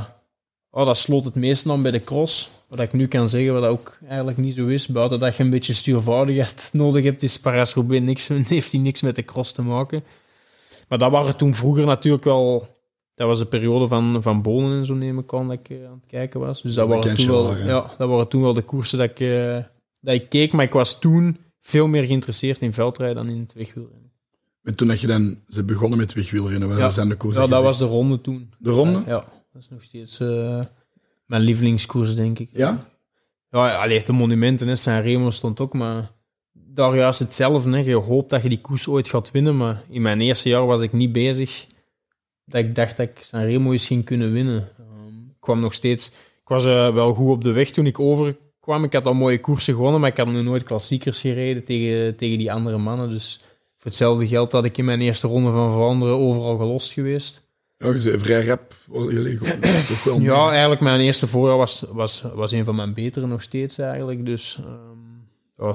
En dan, natuurlijk, als je dan de eerste ronde van Vlaanderen, val ik daar eh, in die bloembak voor eh tweede keer Kwaremond. En dan word ik nog vierde uiteindelijk. Dus dan beseft je wel dat je misschien ooit in de toekomst die koers zou kunnen winnen. Maar voor je eerste ronde ja, is dat heel moeilijk om dat te zeggen. En dan doe je Eerste, tweede, eerste, tweede. Of eerste, tweede, tweede, eerste. Ja, afgewisseld. hè. Ja. Is dat? Dat is wat ik zeg? 1, 1, 2, 1, 2. Ja, toch? 4 en dan 1, 2, 1, Ah ja, 1, 2, 2. Zo is ja, het, ja. hè? Nee, sorry, ik dacht dat je dit jaar, maar dat was... De eerste, eerste was ik vierde, dan de tweede heb ik gewonnen tegen Wout, denk ik. Dan verlies je in de sprint tegen... Tegen eh, uh, Asgreen. Dan win ik tegen Pogacar en nu verlies ik tegen Pogacar. Ja. Ja. En ehm zit jij dan nu al Mr. Ronde van Vlaanderen? nee, dat, Want, dat, gaat, allee, dat gaat je mij niet horen zeggen, maar, maar dat is wie, het wie, ding. heeft er, wie heeft er een betere uitslag in zijn hele carrière in de Ronde van Vlaanderen dan jij? Oh, meer gewonnen zijn er wel natuurlijk. Ja, oké, maar bon. Ehm, Hij heeft er evenveel als Stijn de Volder. Ja, ja, maar ja, ja. Goeie renner, hoor. nee, ja, ik heb nog kan, ja, die heeft eh, een indrukwekkend Ik heb nog met Stijn in de koers in de ploeg gereden, dus eh, die heeft nog meer gewonnen dan dat je eh, zou kunnen herinneren. Maar dat wordt rap vergeten natuurlijk. Maar ehm, nee, ja, ik heb nog, ik heb nog tijd, dus hopelijk kan ik er ooit nog één bij doen. Maar ook dat is niet omdat het nu al zo goed is gegaan, dat dat wil zeggen dat je die ooit Nee, nog gaat winnen. En ja, dat is wel, dat is natuurlijk, dat is begonnen, die koers, en die ligt me dan eenmaal goed. En ik doe die heel graag. En dat is als wielrenner heel belangrijk dat je een koers graag doet en daar graag naartoe gaat. En je hebt daar al dan goed gereden en dat speelt allemaal wel een beetje mee. Dus dat is je favoriete koers. Toch zeker een van, ik heb, kan niet zeggen dat ik echt een koers boven de rest uit heb, maar dat is toch wel een van mijn favoriete koersen. Ja. En eh, die dingen, ah, ik, vind, oh, ik, kom, ik kom nu niet op de naam, hè, maar... Strade Bianchi. Bianchi. Ja. Weet jij wat dat Ehm, ik zocht, Jean? Great minds think alike. Goh. Ja, dat is wel een heel leuke en mooie koers, maar mensen zien niet hoe lastig dat die eigenlijk echt is. Dat is niet dat dat alleen maar gravelwegen zijn, dat is gewoon sorry, een, halve, een halve klimkoers. Daar zitten zoveel hoogtemeters in, maar ja, dat is uiteraard ook wel een iconische wedstrijd, omdat er ja, dat, dat gebeurt gewoon niet vaak. Dat je, allee, de strade rijd je maar één keer per jaar normaal gezien, terwijl als je de wegen van de Ronde van Vlaanderen hebt, die rijd je nog in, in vijf andere drie, koersen ook. ja, eh, ja. geen. Dus, ja. Ja, geen Tweevelgem is de andere kant uit, maar je rijdt inderdaad wel veel. Ja, geen Tweevelgem doet je de Camel bijvoorbeeld, die doet je dan in andere koersen ook. Dus komt wel terug. Mensen in Antwerpen, voor ons is dat allemaal hetzelfde. Ja, ja. Dus Ja, ik ook beetje, het een beetje zijn vrienden niet van Kortrijk, maar voor Ah, mij is het ja, allemaal één ik begin het een kant. beetje te, te kennen, maar... Ik ga me daar niet over uitspreken, want ik heb veel West-Vlamingen in de ploeg en eh, wij botsen altijd over zo'n soort dingen. Dus ze kunnen zich niet Ah, die verdedigen. wonen, die wonen allemaal in Linkerhoever, of wat? Eh. wel aan de andere kant van het water. Heb ik hem met water Over gezegd. Het water. Versta jij die als die praten? Ja, dat is, ja ik, sp- ik spreek eh, heel goed West-Vlaams. Ja? Nee, ik, versta, ik versta heel goed West-Vlaams. Ehm, ik, eh, ja, ik zit al lang in de ploeg met, met, met West-Vlamingen, dus eh, ik kan, kan ze verstaan. Maar als ze echt heel plat Ja, praten... ook. Ja, Ja, serieus? ik kan ze, ik, eh, Oh, ik kan ze echt goed... ver- Ja, maar ik lig heel vaak met Gianni, Gianni Vermeers op de kamer. En als die belt met zijn, met zijn vader bijvoorbeeld, is dat heel plat West-Vlaams. En ik versta het ook bijna alles. Kun je het nadoen? Nee, dat is heel moeilijk. het is een apart taaltje, maar het is, Ik het is wel grappig. niks van. Echt niks. Ja, maar als je dat gewoon zei, dan... Ja, dat, Ja, mijn grote vriendin van Nico woonde vroeger bij ons thuis even. En eh, Niks. ja, die riep zijn van boven. maar dat is nog handig soms. ja, zij was boven en zij roept zo, Nico, en dan zegt ze zoiets, en die kijken allemaal naar mij, en ik Jij zo... verstond het ook niet. Ja, ja, natuurlijk ja. wel. Ik zei, ja, gewoon links van de deur. Ah, oké, denk je, wat vroeg je Ja, niet? ja. Wat vroeg je niet? Ja, dat is wel grappig, maar... Eh, je zegt er straks, ja, want je, je, je verliest dit jaar van, eh, van Pogacar, maar jij zegt Pogacar. Ja, ja, ik had ook gezien dat iemand dat vroeg. Of, En eh, iemand vroeg dat, van... Maar ik weet niet... ja, ik is weet niet. Pogacar. Maar ik zeg Ja, gewoon, blijkbaar ja, is Pogacar, en blijkbaar zeg jij altijd Pogacar. met Ja, ik zeg altijd Pogacar. Met ja. glimlach. En, ja, Of Tadej. Mensen zoeken... Met Tadej. Tadej, Tadej. Mensen zoeken altijd graag een link ook. Hè. En, en ze hebben dit jaar begrepen dat jullie toch Mhm. overeenkomen. En dan vroegen ze zich af, is dat een running joke of niet? Maar Dus nee, to- nee, totaal niks. niet. Gewoon, Hij zegt gewoon Pogacar. Ik eh, denk alle tekens en zo weg waar dat op die naam staat, dus ik zeg gewoon Pogacar. ja. Het is niet dat hij ooit met zijn auto gecrashed is of zo. Nee, nee, nee, nee, nee, nee, nee, zeker niet. En, Is hij een eh, toffe kerel? Ja, echt. Ja? Dat is een heel toffe kerel. ja. Bomvol talent ook, hè? Ja, ik denk eh, een van de getalenteerdste renners dat we ooit gezien hebben. Ik bedoel, dat is ook zoiets, dat zijn er ook niet veel die de Tour winnen in de Ronde van Vlaanderen. Die zijn Ah, wel, is één in deze vooral. Ja, in deze tijden zeker. Gespecialiseerde. Ja, ja, dat, daarom. En, ehm, dus ja, dat is, dat is gewoon heel speciaal wat hij doet. Ja. Wat is dat voor persoon? Is dat, is dat een grappige gast? Is dat een warme mens? Is dat... Ja. Eigenlijk wel, ja. Wat je Beide. zegt. Ja. Nee, ja, die is, die is gewoon heel normaal. Ja. Als je die tegenkomt, eh, zou je niet denken dat hij een van de beste wielrenners ter wereld is. Dus. En dat Heel was, sportief ook, hè? Precies. Ja, ook. Die kan... eh, ja, klopt. Die eh, is... Maar dat is een beetje van deze tijdsgeest ook natuurlijk. Dat je wel een beetje sportief bent naar elkaar toe. Ik denk dat dat zeker ook kan. Ik denk dat je in de koers hard moet strijden, maar daarnaast eh gewoon eh, ook geen correct moet zijn. Zo dat dat wel heel erg van deze generatie is. Je ziet dat meer en meer. Dus zo de leuke kant van het woke gedeelte. ik heb het gezegd. Thibaut de, Thibaut de Kerpel. Niet deze twee topsporters. Oh, jij mocht dat zeggen. ja, soms, soms loopt het wat de spuigaten uit. Dat mag ook wel eens gezegd worden. klopt. Maar ik, ik, ja, ik vind dat eigenlijk het allermooiste. Want allee, je hebt zoveel gevechten tegen elkaar. eh, met Wout, met AD, met, met, met nog een ander, andere gasten. En Piet Kok. ik vind, ik vind het zalig om te zien dat je ja, die, die aanvalslust en die sportiviteit staat gewoon echt op één. Ik vind dat... Ja, maar je komt elkaar ook altijd terug tegen natuurlijk. Het is een kleine wereld, dus de week nadien zet je vaak terug tegen elkaar aan het Ja, maar je hebt er koersen. straks gezegd dat er een paar klootzakken in het peloton zijn. Ja, ja, niet dat is- klootzak gezegd, dat heb ik gebruikt. maar die deden dan ook wel, hè? En zo Wie zijn ze je, wel wie niet. had je nu weer gezegd? Dat? Ehm, ja, die het, ja, ja, dat klopt, dat klopt. Maar over het algemeen zijn de renners die van voorrij hebben dat iets minder dan, dan degene die echt knokken voor hun plek. Ook omdat ze een voorbeeldfunctie hebben en dat ze weten van, ik kan niet Denk gepakt het, op worden. ja, ik denk het wel. Ja, ik denk het wel. Maar jullie rijden ook allemaal. Allee, snap je? Ja, ja, klopt. Vroeger, dat was zo...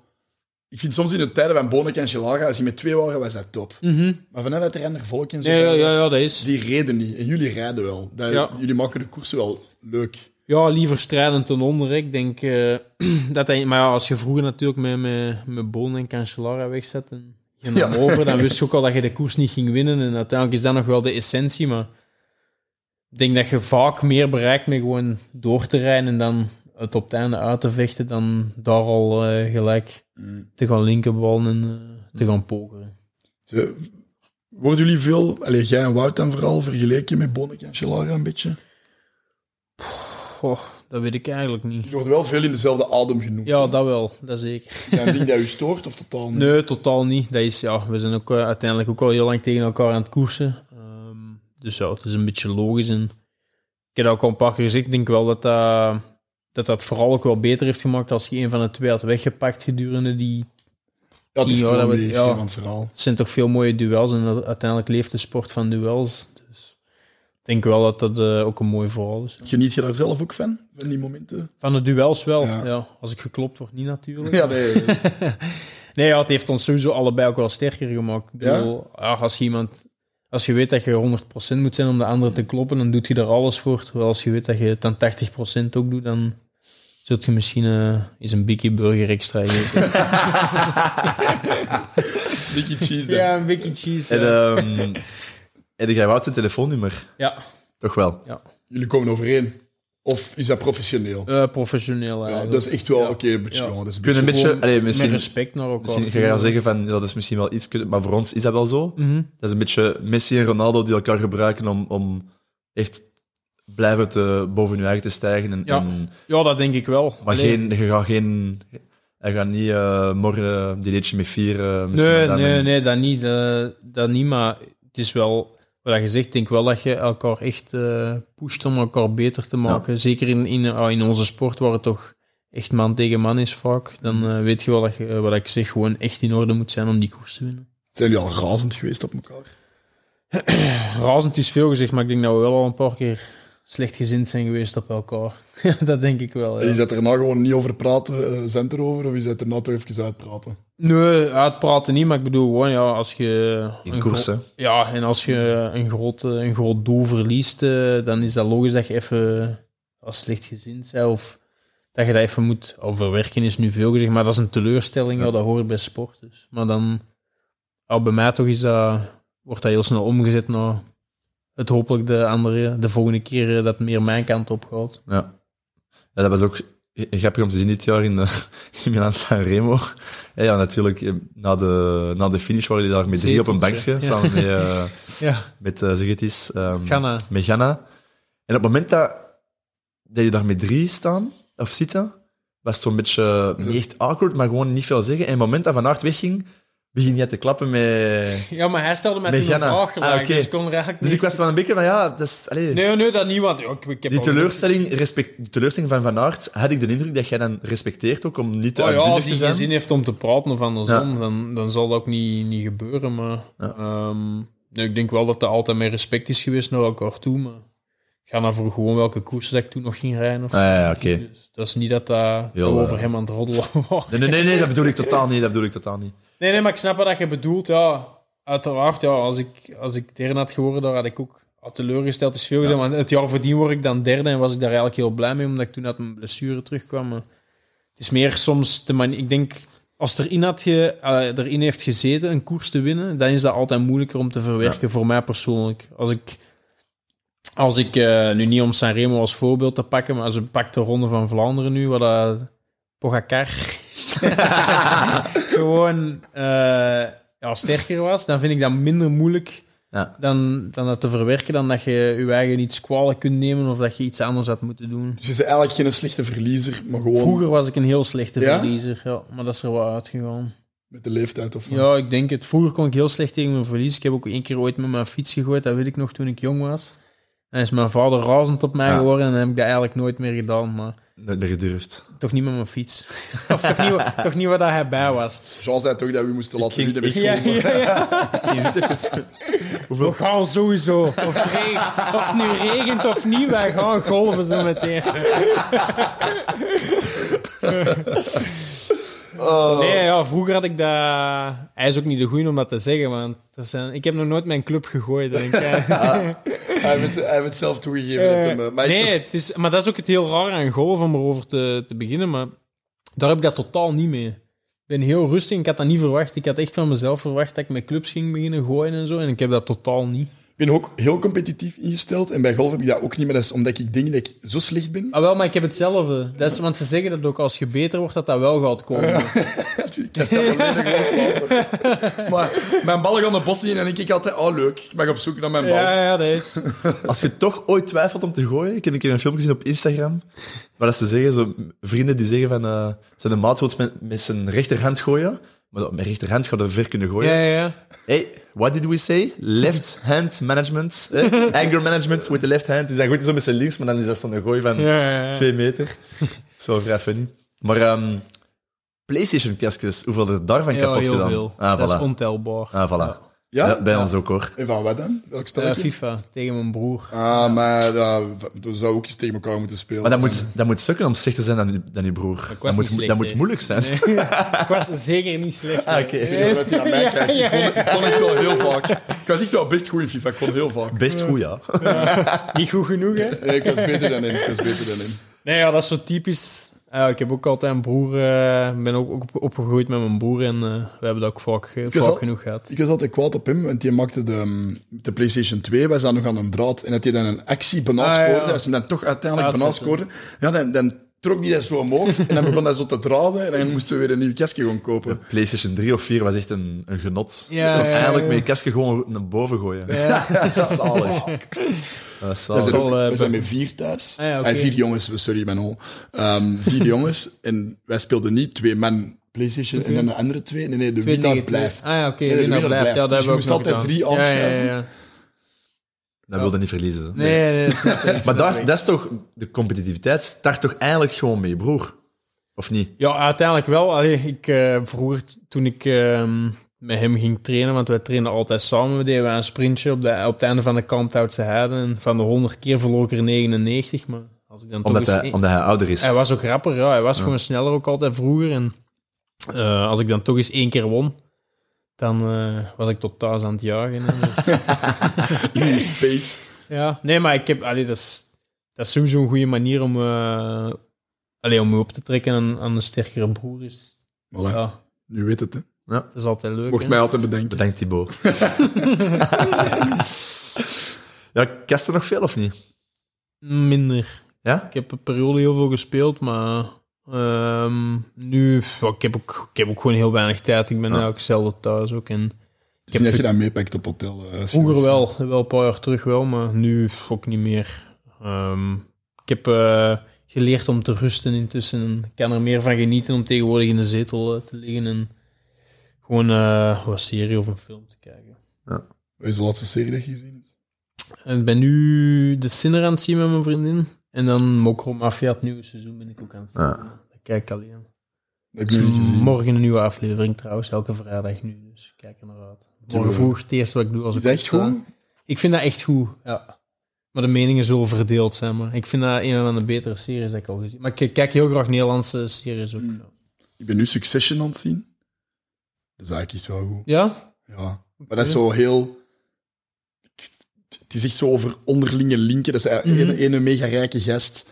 En die zijn familie zo ah, mee in het bedrijf aan het stappen, maar dan ook weer niet. En die is echt met iedereen zo aan het spelen, gelijk een puppet master. En ehm, dat is eigenlijk zot om te zien. Omdat je kunt je wel voorstellen hoe dat, dat echt kan zijn in zo van die very rich American Mhm. Ja. families. Ja, maar ik dat, vind dat wel vet. Maar eigenlijk gebeurt er niks, maar eigenlijk continu mental games. En ik vind dat heel plezant om naar te kijken. dat is wat. Ja, ik weet niet. Ik ben echt aan het bintje. Ik heb nog een, een paar vragen eigenlijk, die, die eh, ja, we net aan het praten waren, Mhm. aansluit. Ehm, je wacht op de, de E3-prijs, denk ik, op bepaald moment met Pogacar en met Van Aert in de aanval. En je zat op de Tiegenberg. Die, Op de ja. Tiegenberg, en daarboven was er een Ah, ja, prijs een voor badkamermeubels. En eh, achteraf eh, was er gezegd geweest dat hij dat ging delen met jullie. Dat was een grap, denk ik. Dat was een grap, maar dat heb je nooit ja, ja. gezien, zeker, die, Nee. eh, die check. Nee, maar dat was ook een grap ook, denk ik, zodat hij dat ging delen. Hij wist het als enige, dus ja, dat is, dat is Ja. eh, verdiend gewoon. Net in je eh. badkamer nodig. Ja, dus eh, is dat iets... ehm, want zo'n premies, Mhm, ja, wat dat wij weten van het wielrennen, is dat dat er altijd gedeeld wordt. Klopt. Ook van die individuele dingen. Ehm, ja, individuele premies niet. Nee, maar bijvoorbeeld in de Tour de France, een tussensprint, Ja, dat wordt allemaal eh, gedeeld, je, ja. Ik weet niet hoeveel het ten eerste wint, is dat 1000 euro. Ja, dat is, Ehm dat is nooit echt... eh, ietsje minder, maar dat wordt heel veel allemaal, premies er. dat wordt allemaal verdeeld onder de renners die er zijn. Eh, en personeel meestal ook nog, hè. Dus Ah, personeel ook. 8 plus, oh, dat is 8 plus 1 en dan 100 personeel is de negende renner meestal, zo gezegd. Ah ja, oké, zo. Ja.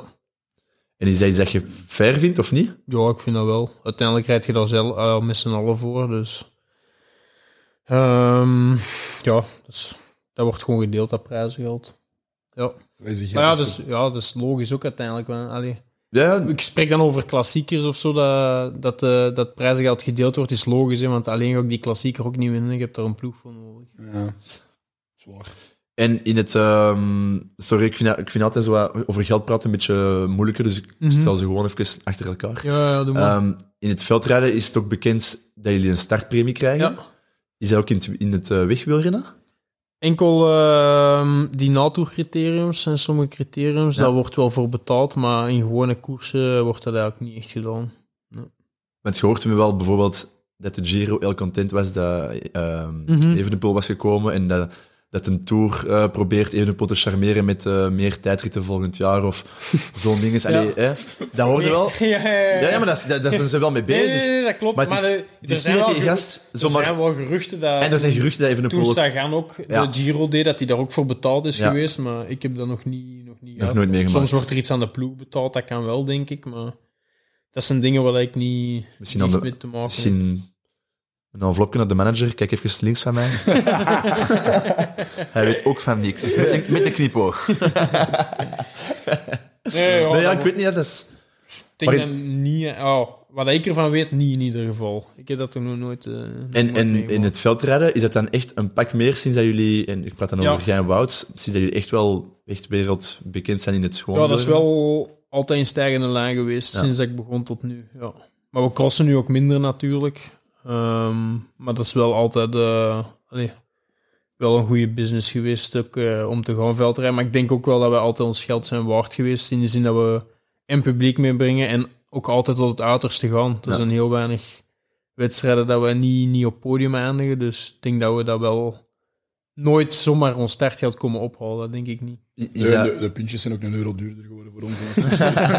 Met plezier. Dat is gedaan, dan met drinkt er maar ietsje minder. Bodemdrang met Ja, je. ja, ja, is juist. Is dat, ehm, is dat een budget dat openbaar wordt gemaakt, of niet?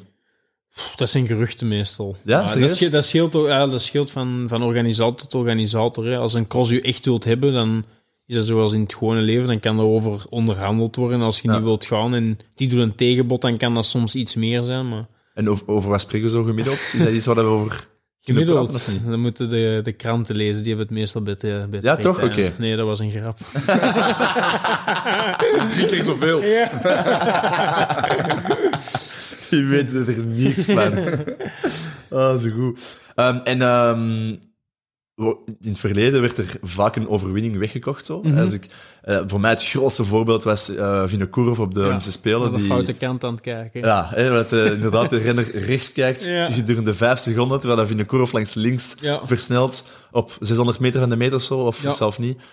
Ehm, Waarom zou de Olympische Spelen nu verkopen? Wat is dat nu ja, eeuwige roem, sponsors. Nee, eh, kopen, dat snap ik. Maar verkopen. Ah ja, maar jij een miljoentje krijgt. Ja, als je weet dat je de sprint niet kunt winnen, natuurlijk.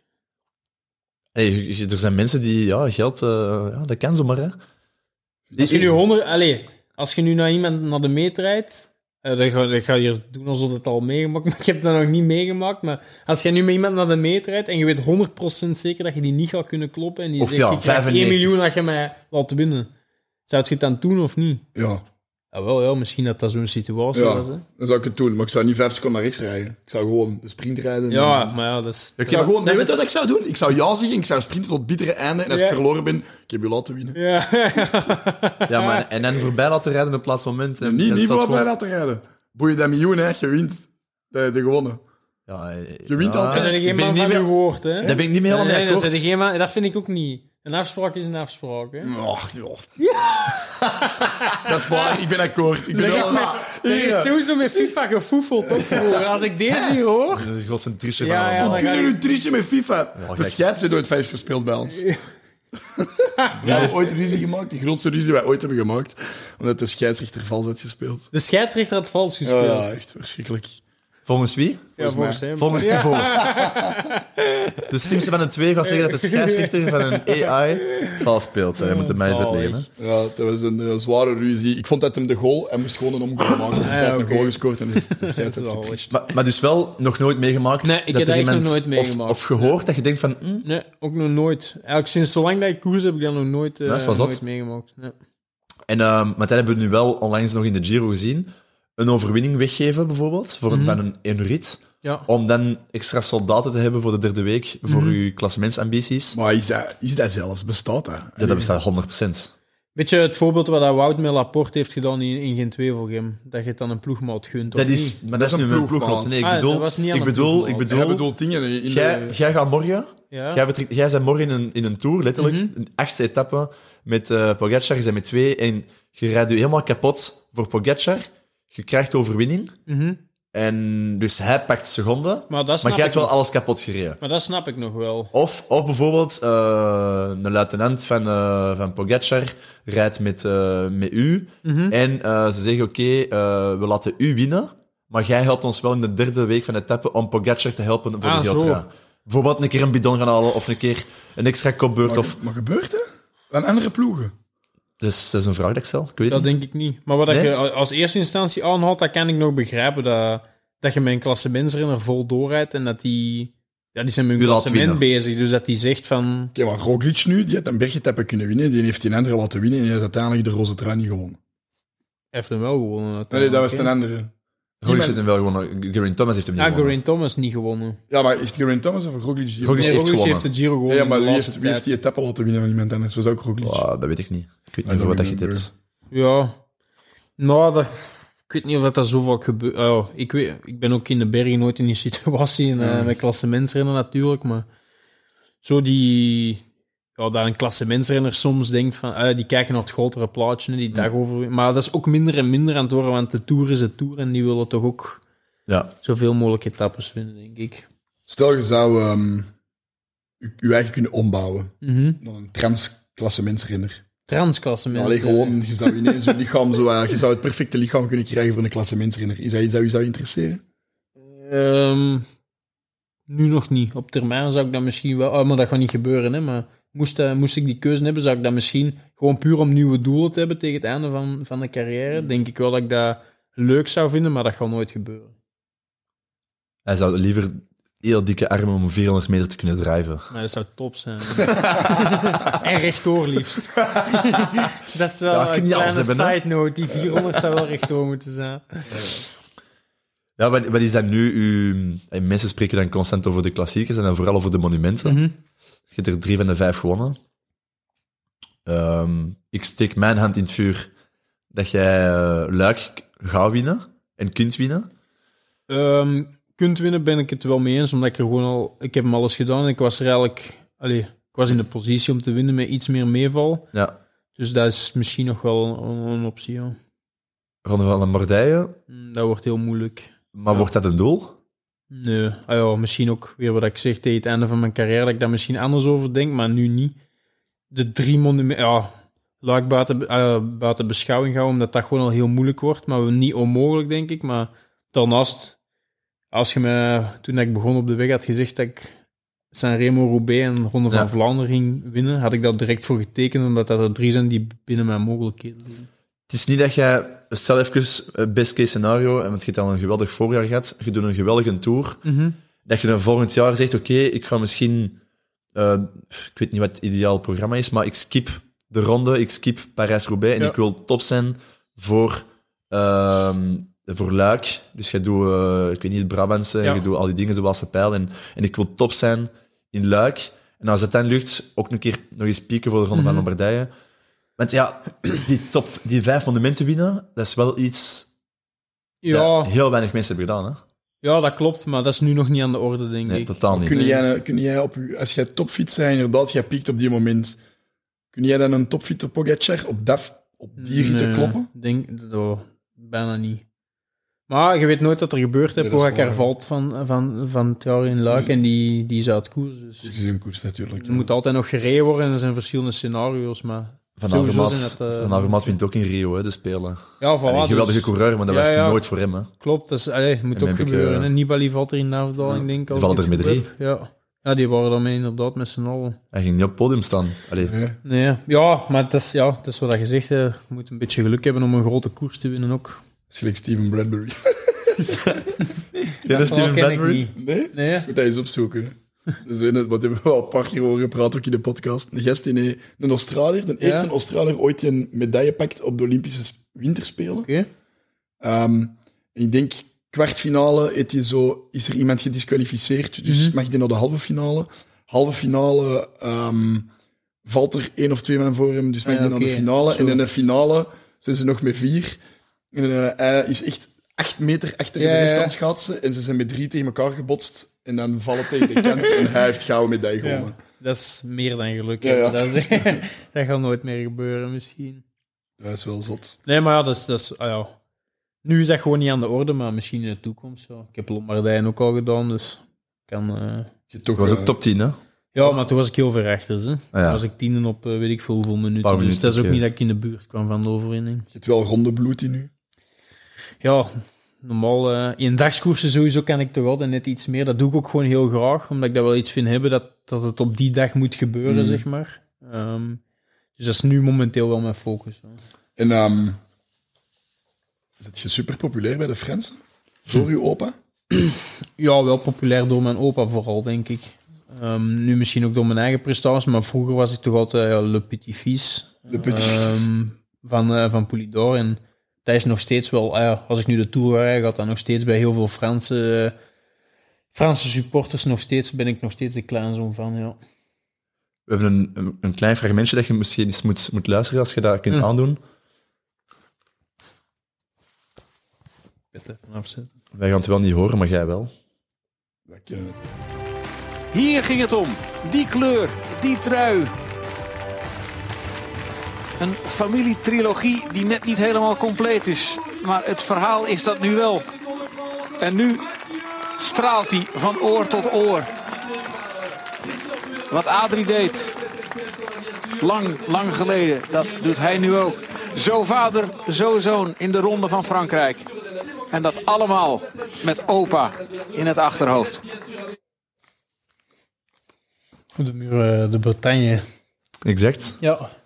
Wat doet zoiets? eh, Ja, dat is nog steeds wel een van de mooiste momenten uit mijn carrière. Ook gewoon omdat die eerste dag was het dan misgegaan. Oh, misgegaan niet, ja. Het was gewoon op waarde geklopt. En dan oh, was dat bijna onmogelijk om dat die tweede dag nog te doen. En dan lukt dat door die bonusseconden en dan die winst nog om, eh, om het geel te pakken in, eh, in mijn eerste tour. Dus dat is wel, wel iets om te onthouden natuurlijk. Hij, hij praat over, eh, de commentator van de NOS praat over een verhaal dat rond is. hè, Mhm. met je papa, met je grootvader. En je grootvader, voor de mensen die hem niet kennen, shame on you, om te beginnen.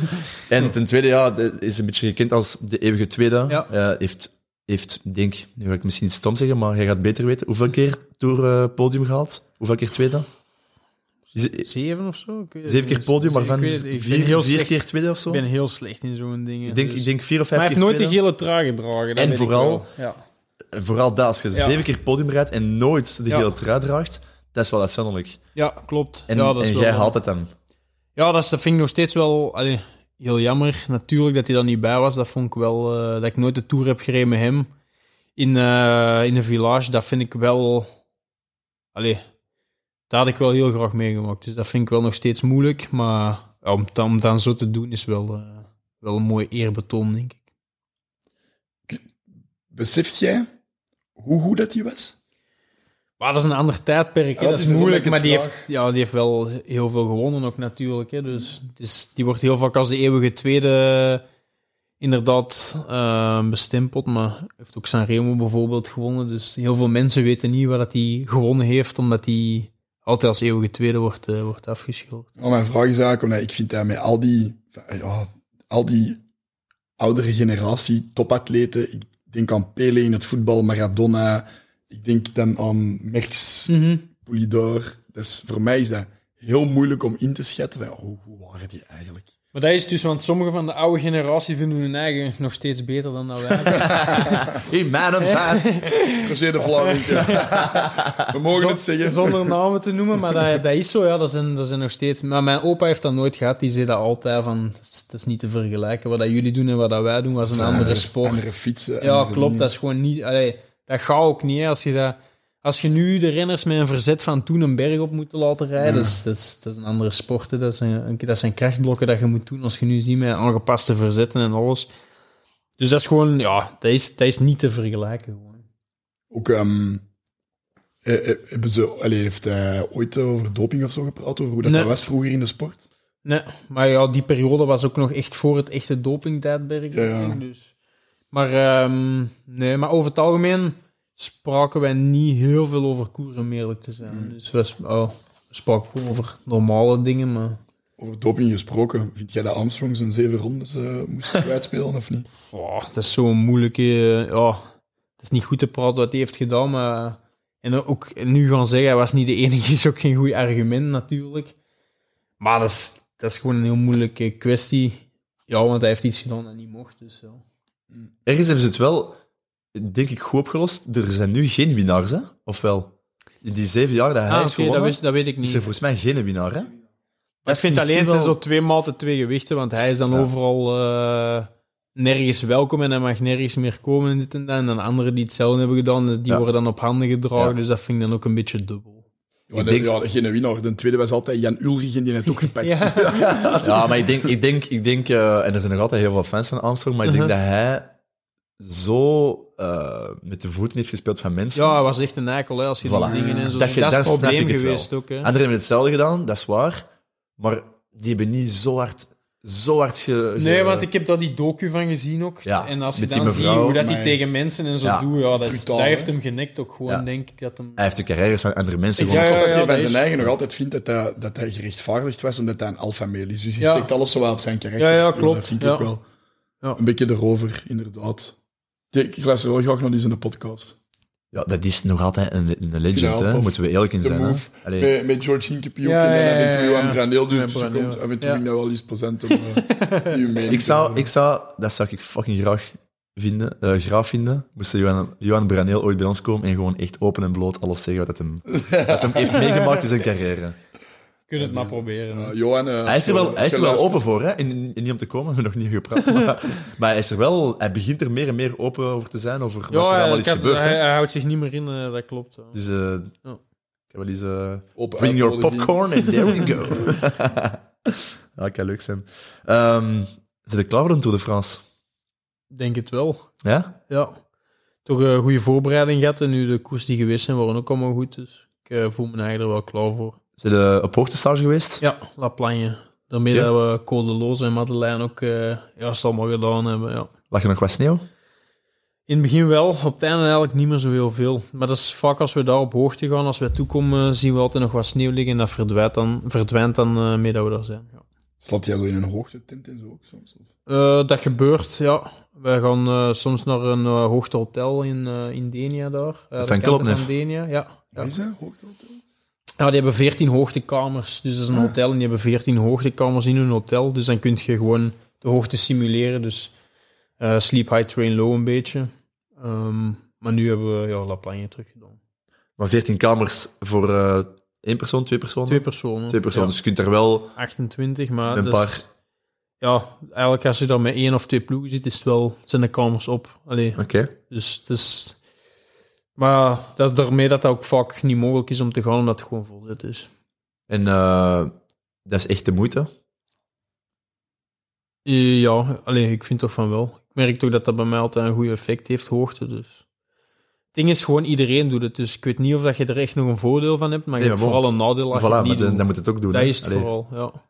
Het is gelijk... eh, het is misschien anders, maar je haren scheren, je benen scheren, ja, iedereen doet het. Als je het niet doet, dan verlies je de wet. En, eh, Maar is dat, is dat niet gewoon voor als je je benen laat masseren? Dat ook, die- maar dat is En blijkbaar te vallen ook, maar dat, is, dat scheelt wel redelijk wat Dat watt ook, ik heb onlangs Ja, iets gezien ja. dat dat wel 5, 4, 5 watt of zo Ja, het scheelt wel echt iets, ja. Maar het wordt ook vooral gedaan voor als je valt en dat u, dat voor uw plakkers en uw veiligheid dat eh, de wonden proper blijven. Daar wordt het ook wel voor gedaan. Daarom dat je je benen scheert. Ja. Ah, maar dus benen nooit kunnen scheren. Klopneef heeft dus echt wel een, een, ja, een goede investering gedaan met zijn hotel. Ja, dat valt nog af te wachten. Maar Ja? het concept is wel, eh, vind ik wel, eh, wel goed gevonden. Ja. En is dat iets dat jij in België nooit hebt gedaan? Een hoogtekamer in je, in uw huis? Nee, in België niet. Nee, in Spanje wel, maar in België niet. Bij je thuis in Spanje? Ja, ja. Ah, ja, oké. En waarom daar wel? Waarbij, waar... Omdat als ik eh, hoogte doe, dat dat meestal om te trainen is. En ehm, in België train ik eigenlijk niet meer zo heel veel eh, qua uren en weken. Dus eh, als ik ga om te trainen echt een goede hoogtestage of een hoogteblok te doen met goede trainingen, dan eh, doe ik dat altijd in Spanje. Ah ja. Je bent veel weg van huis, hè? Ja, redelijk veel. Ja. Komt je vriendin veel mee? Of? Eh, die probeert toch altijd wel erbij te zijn. Ja, maar dat is ook niet altijd mogelijk natuurlijk. Maar eh, die, is, die is er vaak wel bij. Ja. Wat doet die van job? Niks die eh, werkt eh, fulltime voor mij, wat al een job op zich is. Ja, maar ja. ook wat dat nice is, want denk je niet mee. Nee, ja, sowieso. Maar ja, dat wordt wel onderschat hoeveel eh, werk dat, dat ook nog is om, eh, om een topsporter te, te onderhouden, zal ik maar zeggen. Dus, maar ik vond dat zelf ook wel, eh, wel leuk. Het is heel makkelijk als je terugkomt van training dat er eh, vers eten en zo klaar staat. Ehm doet daarnaast ook eh, al het papierwerk en zo. Dus dat eh, scheelt wel als je dat zelf niet moet doen. En je hebt sowieso momenten dat je soms liever lui dan moe bent. Eh, Vaak. trekt ze soms aan je oren dan, dat ze zegt van... Kijk, "Ah, dat, dat is een, dat is een zelfreflectie aan het doen. Let op. Maar ja... Ehm, Allee, want ja, ze werkt wel voor u onder andere. Ze, ze regelt sowieso dingen voor u. En Ja, ze die zegt van, regelt "Bon, alles Mathieu, eh, deze kunnen we nu wel een keer regelen, want... Ja, jawel, dat wel. Die eh durft me wel op mijn plek zetten. Maar Ja. dat, is- dat heb ik af en toe wel nodig, denk ik. Maar nee, het enige verwijt dat ik vaak, vaak krijg, is dat ik op de golf wel kan wandelen, maar als ik s'avonds met een hond ben moet wandelen... dan, dan is 500 meter te veel, maar... Dat is bij mij exact hetzelfde. exact hetzelfde. Wil jij bij mij dat doen? Dat doen? Oh, ik ben zo moe. Du- Dubbel sessie gehad. Eh, Nico, kun jij mee gaan golven? Yo! Ja, dat is, dus dat is soms wel... eh, als ik dan toch iets moet aanhalen, dan is dat wel... Maar dat is wel ook het enigste, hè? Die golf. Want dat is niet voor alles, hè. Nee, nee, dat Er zijn heel veel wel. leuke dingen dat ik echt, echt waar zeg van, ja, nee, dat gaat niet gaan, want... Nee, jawel, dat is bij mij ook zo. Hè. Dus een, ik zou ook graag eh, elke dag leuke dingen gaan doen met vrienden en zo. Maar ja, als je zes uur gefietst hebt, eh, dan heb je niet heel veel zin meer om je te verplaatsen. En dan is het ook gewoon belangrijk om te rusten als je dag nadien nog een zware training hebt. Ik zal ook nooit, nooit gaan golven als ik zes uur moet trainen. Nooit. dus. Mensen onderschatten dat ook wel, denk ik. De, de nood aan rust dat jullie hebben soms. Ja, en jij hebt gewoon ook al heel druk. Hè. Allee, de helft van het jaar, als we aan het koersen zijn, eh, is tussen de toeschouwers en alles. En het is soms gewoon heel fijn om gewoon alleen in je zetel te liggen en ook niet, niet onder de mensen te moeten komen. Ja. Ja, is dat vermoeiend? Vind je dat Alsjeblieft? vermoeiend onder de mensen te komen? Ik vind dat niet vermoeiend, maar ik vind de rust heel fijn. Om, eh, soms, ik heb dat soms niet echt nodig, dan ik blijf graag... Maar Roxanne en ik gaan heel graag op restaurant, dus we doen dat wel graag, maar we halen ook wel, wel uit, of gewoon met twee. Wij zijn, op dat vlak, we gaan ook altijd vroeg naar bed, omdat we ervan genieten om vroeg in bed te liggen en gewoon een beetje serie te kijken. Ja. Favoriete restaurant? Het is moeilijk te zeggen, ik, ik heb er veel, dus... eh. In Antwerpen. Oh. Oh. Ik heb eigenlijk geen... Nee, het is, dat, is, dat scheelt echt eh, altijd, ja, dat verschilt. Of genre, wel, wel, een goede brasserie. Italiaans, ah, als ik toch iets moet kiezen, zou ik Italiaans kiezen. Maar ik vind sushi ook heel lekker, bijvoorbeeld. Dus Hm. zo, Arte. eh, Of, eh, een- een- dat is goed. hè. Dat is een grote, aan de grote markt. dacht een sponsor. Huh? Ik dacht een sponsor, omdat je het vernoemde. Nee, nee, totaal. Nee, nee, nee. nee, nee. nee, we gaan ook heel graag op restaurant. En, Ja, eh, wij eten heel graag. eh, Ja. En op je- is ook een goeie, paar goede Italianen. Keihard leuke dingen. Ah, Ja, ik, ik woon aan de, aan de, aan de Antwerp Expo en zo, die eh, Ja, Daniele. Il Divino. Ja, ja, die In vino de is top. zomer Ja, vind daar ik ga ik ook, zalig. daar ga ik ook wel vaak Echt, vind naartoe. ik Ja. echt. Terrasje daar. Allerbeste Italiaan ooit vind ik de allerleukste, maar die bestaan niet meer, was de I Famosi. I Famosi. in Stad. Daar ben ik nooit geweest. Dat was goed eten.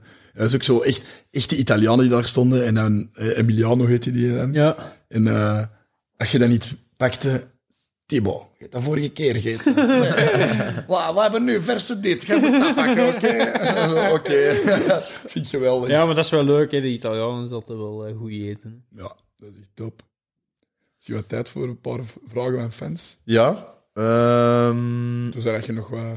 nee, nee, ja. eh, een vraag die ook eh, een paar keer teruggekomen is, is als je één renner van een andere ploeg mocht overkopen.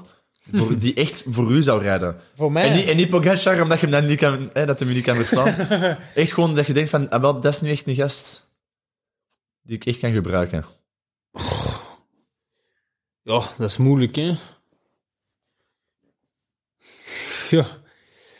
Ehm, Maar ik zou misschien de vraag, of eh, ja, ik zou misschien eerst laten antwoorden. ja, ik heb niet echt een, een pasklaar antwoord, Nee? eigenlijk. Nee. Misschien de vraag dan iets anders stellen. Ehm, eh, je merkte bijvoorbeeld, allee, de laatste jaren is het iets minder bijvoorbeeld bij, bij Quickstep, Mhm. maar bijvoorbeeld, ze werken met verschillende kopmannen. Zou jij het leuk vinden, moest er bijvoorbeeld een gast naast u staan die echt constant in die, in die eindfase zou kunnen Ja, ik helpen? zou dat niet erg vinden, omdat uiteindelijk is ah, wat je in Roubaix krijgt met Jasper, is het veel Ja. makkelijker als je met twee bent om een, ko- om een koers te winnen. Want als ik dan niet wegblijf, hebben we Jasper nog om die koers te winnen. Dus ik denk niet dat dat per se nadelig moet zijn.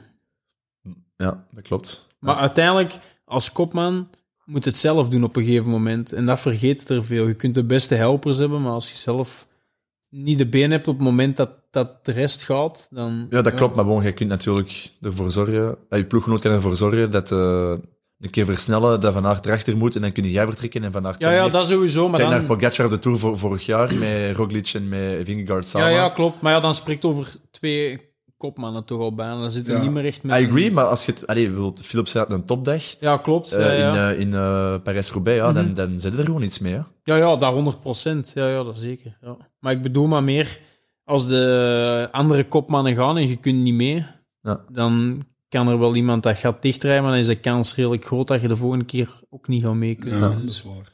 Maar zouden ze zo'n tweede kopman eh present vinden? Ja. Maar ja, uiteindelijk gebeurt dat nu al een beetje. In Sanremo was Jasper ook mee de kopman, maar die ja, geraakt dan er net... Ah ja, die geraakt net niet met die, met die groep van vijf er mee over, maar als dat er nou wat samenkomt en ze gaan met 30 naar de meet, zit hij daar nog wel klaar om te sprinten. Dus ehm, we proberen dat wel, eh, wel wat te doen. Wat is er eigenlijk aan de hand? Misschien een side note, maar met Alaphilippe. Ik vind het Hm. zoveel talent in nu. Maar nu is hij wel... in het Dauphiné was hij goed. Won hij toch weer een rit, dus... Ik viel echt van mijn stoel. Dat was een van de weinige ritten dat ik niet heb gezien. Ik Ah, zeg ja, ineens, Alaphilippe wint. Ik dacht, oh, en dat was een redelijk straffe sprint ook nog, dus... ja, dat was... eh, Ja, waarom? Dat weet ik. Ja. Ook, ook iemand dat ik een goed contact mee heb, trouwens. Dus, ehm, maar ik zou niet echt kunnen zeggen waarom. Dat, dat, die Die heeft een- ineens feestbeest losbol geworden is, of dat hij... eh, dat was een vroeger, geweest. Ja, dat was een vroeger, heb ik gehoord. Ik denk dat hem nu wel wat met zijn kindje en zo, dat hem wel wat, wat rustiger is. Maar Ik denk ook wel, eh, hij heeft wel zijn nodige portie pech gekend ook. Hè, dat een heel hard geval in Luik. Twee eh, ja, niet Hm. dit jaar, maar het jaar daarvoor. Dus je moet er altijd wel mee opletten. Een val, dat is niet omdat je van de buitenkant niks ziet. Ik heb dat nu zelf in, in, in dingen ook meegemaakt natuurlijk. eh, Met die val in Tokio. Dat, langs de buitenkant je ook echt niks. Maar je weet nooit wat dat onderliggend van problemen kan meebrengen. Dus voor hetzelfde geld heeft hij met iets gesukkeld het afgelopen jaar. Of Ja. eh, zit er iets net niet goed op zijn plek, waardoor dat je je kracht niet kwijt kunt. Dat is altijd moeilijk om te zeggen. Er zijn heel veel voorbeelden van zo'n renners die top waren, die dan, eh, zoals bijvoorbeeld ook Sagan dan, en die eigenlijk niet meer terugkomen. Denk je dat we Alaphilippe nog gaan zien op het niveau dat hem, misschien niet op het allerhoogste niveau dat hem heeft gezeten, maar gaat hem, kan hem nog een klassieker winnen? Ja, denk ik wel. Ja? Ik geloof er nog wel in. Sagan is ook wel ouder, hè. Ja, oké, maar Sagan, drie jaar geleden, had ik ook geloof dat hij wel een keer ging terugkomen, maar dat was ook iets anders. Hè? Ja, die is nooit echt meer op dat niveau van vroeger teruggekomen. Maar ik denk dat, dat Julian dat, dat nog wel kan. Ja. Oké. Is dat een ludieke gast, Sagan? Daar heb ik niet zo heel veel contact mee, om eerlijk te zijn. Maar ehm, oh, ik ga ervan uit dat dat nog wel eh, een leuke kerel is om mee op te trekken. Ja, maar- grappig voor de camera. Die zijn... Ah, Dono. Hij is gewoon ook zijn accent. Hè, dus Ja, dat is- ja, dat is zo. Ja, ja. En dan, Niet veel woorden, gewoon... toen die periode zat, eh, was ook met een heel marketingplan erachter natuurlijk. Dus, dus Hij heeft dat goed gedaan, hè? Hij heeft dat heel goed gedaan. Ja. En uiteindelijk, als je nu zijn palmarès bekijkt, het is ook ongelooflijk, maar ik zeg het, mensen vergeten dat snel, maar Drie als je dat wereld- gaat opsammen, opzommen wat dat die allemaal eh, gewonnen heeft, dat is ongelooflijk. Gewoon al drie keer wereldkampioen op rij. Ja, ja, dat is sowieso. al... Ja, dat is waanzin. Dat is al Hij is waanzin. zeven keer groene trui of zo, denk Ja. ik. Eh hoe De- Vlaanderen, eh, als wereldkampioen Vlaanderen, denk ik ook. Dus. Uiteindelijk, ja, op een gegeven moment komt er een periode dat het niet meer gaat lukken. Hè. Dat is in elke sport zo, is bij iedereen zo. hè. Dat gaat bij mij ook gebeuren. En Wil je stoppen voor, voor in top? Of, uh, Ja, dat zou ik, wel, ik zou wel eh, graag niet jaar te veel doen. Ja? Mm. Ja. En ik denk ook dat ik daar persoonlijk geen plezier van ga uithalen om het jaar te veel te doen. Dat ik dan dat ik ook eh, de eer aan mezelf hou op die moment. Ja, Maar dat is moeilijk te zeggen. Ja. Hè, ja. Dat is heel moeilijk te Ja, zeggen. want het hè. probleem is, als topsporter denk je wel altijd dat je beter bent dan de rest. Dus je gaat dat, dat jaar te veel gaat dat niet voelen aankomen, ook niet, hè?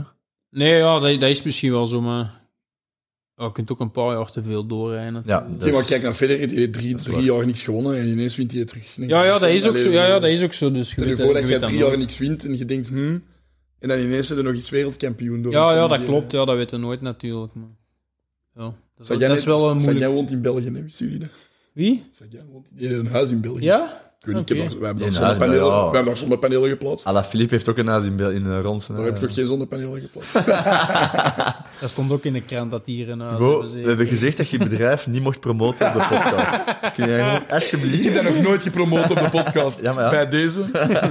Zonnepanelen, warmtepompen. Zeg, ehm snel veranderen hier. Oh, ah, ik moet een nieuwe co-host vinden, hè. Godverdomme, dat wordt hier ambetant. Ehm nee, nog een paar vragen misschien. Ehm, jij bent een Hollander. Mensen denken echt allemaal dat je een Belg bent, of ze vragen zich af, hoe komt het dat dat een Hollander is? ja, Ja, dat is via mijn, eh, mijn vaders kant en de familie in Nederland eigenlijk dat dat, eh, dat, dat zo ja, gekomen is. Zo. Dus, maar voelde jij je Belg een klein beetje of niet? ja, een klein beetje misschien, eh, maar ik, ik voel niet zo per se echt iets met, met nationaliteit, maar dat is gewoon zo gekomen. Maar ja, ik, ik woon al heel mijn leven in België en Ja. in België naar school geweest ook. Dus. Kun jij je naturaliseren? Dat, dat gaat of niet? Eh, ja, ik denk dat wel, want ik kon ook nog Frans nationaliteit. Kon ik Ah ja, ook nog tuurlijk, ja. krijgen. Dus. Maar toen ik 18 was, heb ik moeten kiezen, denk ik. En ik weet eigenlijk nu niet of ik de dubbel heb of niet met, met Frans nog. Want ik heb dat ooit gehad, maar ik weet niet of ik dat nu nog heb. Maar dat maakt u eigenlijk niet zoveel uit. Mm, nee, maar ik zou ook niet meer... Ik zou niet nu voor België kunnen gaan Nee, nee. rijden, denk ik. Omdat dat gewoon een beetje raar zou zijn. Maar nee, dat is niet zo dat ik daar echt eh, van wakker lig. Ik vind dat een van de, eigenlijk, misschien van de, de mooiste complimenten dat jij zou kunnen krijgen, is het feit dat, dat mensen in Vlaanderen twijfelen als ze voor Mathieu van der Poel of voor Wout van Aert zijn. Ja, dat ja, vind klopt. ik ongelooflijk. Maar ja, je supportert uiteindelijk voor de atleten, niet... Ja, maar dat is niet altijd waar. Nee, dat is Chauvinis- ze- dat is zeker- Chauvinisme is er wel zo. Ja, ja, maar dat is zeker zo. Als, je, als, je, als je binnen een paar jaar eh, de, de clash Pogacar-Evenepoel, kan ik je wel zeggen, ze zijn allemaal voor Evenepoel. Ja, ja, maar Terwijl dat is- ze allemaal fan zijn van Pogacar. Ja, ja, maar dat is zeker... Ah, wel, maar dat is dus, ja... Bij mij is dat niet zo, maar ik, ga, ik snap wel dat mensen dat wel hebben. Ja. Dat is de enige koers dat ik niet voor u ben. Het WK. Ja. Ja, Omdat ik dat niet oranje maar krijg. zelfs uw manager volgens mij. Ah, de manager, daar ben ik niet zeker van. ja, dat is een, dat is een goede vraag. Nee, ja, ik, ik weet ook niet... Maar chauvinisme is er sowieso... ja, Dat ziet je met de Rode Duivels, als die goed beginnen te spelen, dan... Maar kijk je bijvoorbeeld, kijkt je naar voetbal? Of Ja, ja, ja, maar enkel de grote wedstrijden. En toernooien zit je dan voor. Holland of zit je dan voor België? Eh, neutraal, ik kijk voor de sport. Ja? Ja. Maar ja, je ziet dat wel met chauvinisme, dat als ze kans maken op een, op een titel, dan, Ja. is het al, allee, dan staat heel het land op zijn kop en dan staan alle marktpleinen vol met grote schermen. Ja, ja, Als ze minder spelen, zijn ze ook de eerste om het af te breken. Oké, maar dus als jij zegt, het is Nederland-België en het maakt mij eigenlijk niet zoveel uit wie dat er wint, Mhm. dan zijn het echt wel 50-50. Want als, als Nederland tegen wie Ja, is... ik heb liever dat Nederland wint, zodat ik bij mijn Belgische vrienden er kan invragen. Ja. Dat is Ja. dat vooral, maar... Oké, ja. Dus- Ehm, als, ze- ja, ik kijk, ja, ik kijk vooral gewoon voor een mooie Ja. wedstrijd te zien. Maar ja, als Nederland nu... eh, dat die daar tegen Argentinië nog gelijk maken in de laatste minuut... ehm, dan eh, sta ik ook wel te springen, ja. Ah, nu ga ik misschien een vraag stellen dat ik misschien niet mag vragen, maar op, eh, op het WK, eh, jullie gaan naar een, een massasprint en jij rijdt met eh, Jacobsen en eh, Philipsen is er Mhm. ook nog. Wat doe jij? Houd je- De sprint aantrekken, dan mogen ze het zelf uitzoeken wie dat er wint. Maar ja, maar wie, er, wie mag er in je wiel? dan moeten hun uitvechten. Ja, nee, ja. ja maar dat is, dat is maar wel- dat is altijd zo moeilijk geweest. Ja. Dus dat is al de discussie voor zo lang. Ja, dat is, dat is gewoon heel moeilijk. Hè. Dat is hetzelfde als, eh, bij wijze van spreken, ik ben alleen weg op 2K en Jasper moet dat gat gaan dichtrijden Ja. voor Wout. Ja, dat zijn gewoon, dat zijn heel complexe Hij gaat dat niet toerijden, situaties. kan ik je nu zeggen. Ja, dat is, dat is, ja, dat moet gaan hem vragen, maar ja, Ja. Dat, is, dat is gewoon heel moeilijk. Zo Dat is ook de belangen van uw land op dat moment, maar dat is één koers. Maar dan daarna zit je wel met de wereldkampioen. Ja, maar dat, dat is het ook. Je zei heel het jaar met elkaar op pad en dan ineens... Ah, dat is een beetje hetzelfde als op 2K Gravel nu, dat, dat Jenny voorop was met Daniel Os. Ja. Was ook niet geneigd om dat gat dicht te rijden natuurlijk. Ja. Ja, dat is het uitzonderlijke, want ik vind dat... Um, het WK is zo'n grave koers, maar... En ik vind, ik ben de eerste persoon te zeggen dat wielrennen is een ploegsport. Mhm. Echt waar. 100% zelfs.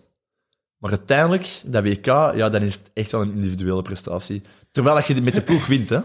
Ja, Maar- dat wel, want als je ziet hoe dat Alaphilippe daar...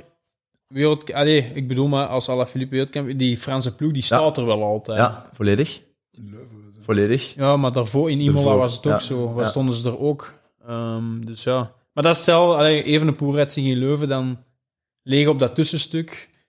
Ja, dat is ook goed voor Alaphilippe uiteindelijk. hè. Dat was voor Van Aert en voor de Belgen. Dat is waar. Maar zijn dat gesprekken dat jullie hebben dan? Misschien, ik weet niet als jij dat hebt gehad met, met Nederland, maar misschien in de Belgische nationale ploegen. Dat zijn toch gesprekken dat je moet hebben voordat je van start gaat? Ja, ik denk wel dat er over gesproken wordt. Maar in het algemeen is dat in België is dat, wordt dat allemaal zo opgeklopt met de media en zo. Kan Ja. terwijl dat in Nederland eigenlijk totaal niet zo Nee? is. Dus wij spreken daar eigenlijk ook niet, niet zo lang over. Die meetings voor een WK zijn heel kort. Dus iedereen weet wat hij moet doen, denk ik. Wie is jullie bondscoach? Eh Koos Moeren uit op de weg. Ik vind het ook altijd grappig dat er een bondscoach bestaat die een heel jaar lang gewoon kijkt naar wielrennen om dan één wedstrijd te coachen. Ja, ja, dat is zo. Ja. Ja, een paar wedstrijden. Ja, het Europees kampioenschap dan. En, maar ja dat, is, ja, dat is gewoon een raar gegeven uiteindelijk. Daar is toch ook politiek in, ook of niet? In die selectieprocedures. Goh. Hey, in de voor zin, sommige mensen wel, denk nee, nee, in de zin van, in de zin van bij de Belgen, want misschien moet jij daar niet op antwoorden, maar bij de Belgen had je duidelijk twee, twee kopmannen. Ja, ja. Van Aert, Evenepoel. Dan Van Aert kreeg een paar mannetjes mee Ja, en Evenepoel kreeg een paar mannetjes van hun persoonlijke ploeg. Dus dat is zo wel een beetje zo... Allee, Ja, dat wel, is- maar uiteindelijk waren dat wel ook effectief goede renners die dat de selectie ook wel verdienden. Sowieso. maar je had maar wel de- duidelijk, Ja. Ties Benoot was mee voor Van Aert. Maar daar komt, En dan komt al bij het probleem dat je oplost, hè, dat er al niemand... Allee, ja. Dat je nooit echt tegen Ja, dingen moet rijden, dat denk is ik. Maar ja, dat is iets wat in België veel meer speelt dan in Nederland.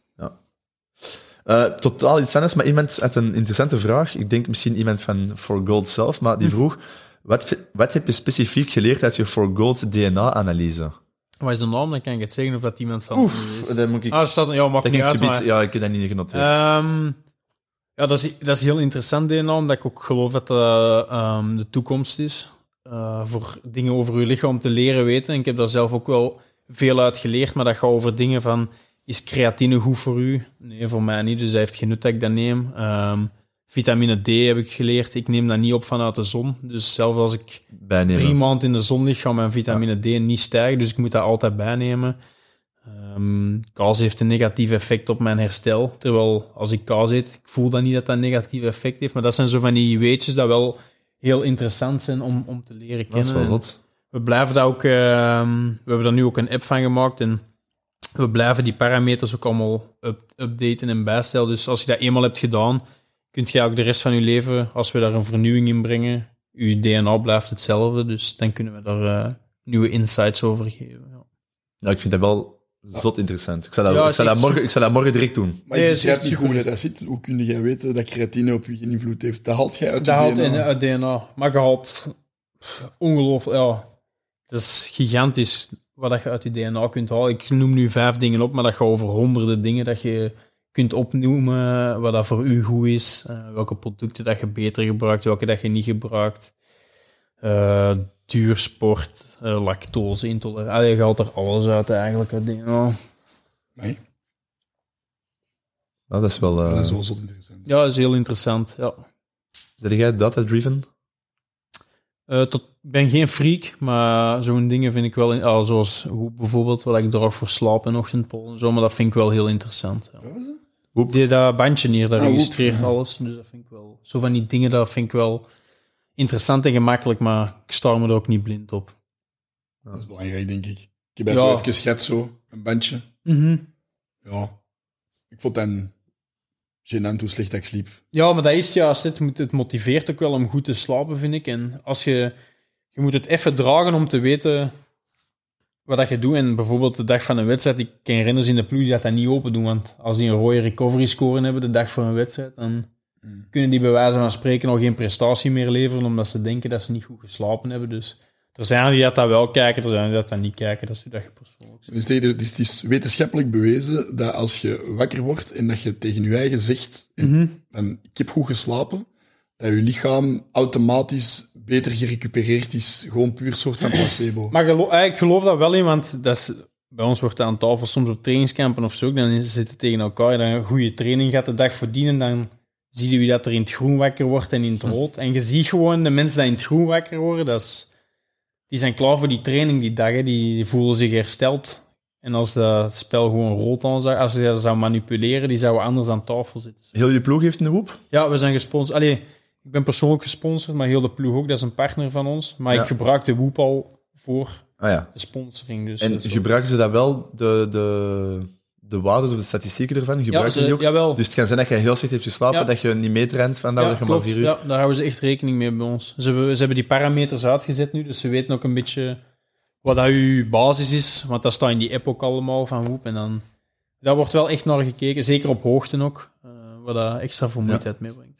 Kan- Wel uit die aura ging, hè? Ja, wel eens zo'n aura-ring. Ja, dat is een beetje de tegenhanger. Hè? Ja, Ja. dat is ook via KU dat we gevolgd Ja. worden en zo, maar we hebben nog niet echt zo een procedure of een van, oké, nu wordt er niet getraind of minder, of Ah, ja, zo. dat is nog Nee, niet- dat ja, bij ons niet, wordt, dat eh, wel, wordt dat wel echt ja. bekeken. Ja. dus kan ik je zeggen dat ze met, eh dat die leiding moet praten. Nu ga ik een heel stoute vraag eh, stellen, maar ehm wat zei de Woep de nacht in Australië voor het WK? Hoe lang heb je dan geslapen? Niet. Nee? Misschien één uur of zo. Nee, niet, denk Dat, ik. dat was, ja, een beetje context te geven, er waren twee meisjes blijkbaar die, Ja. die de hele tijd op je deur klopten. Ja.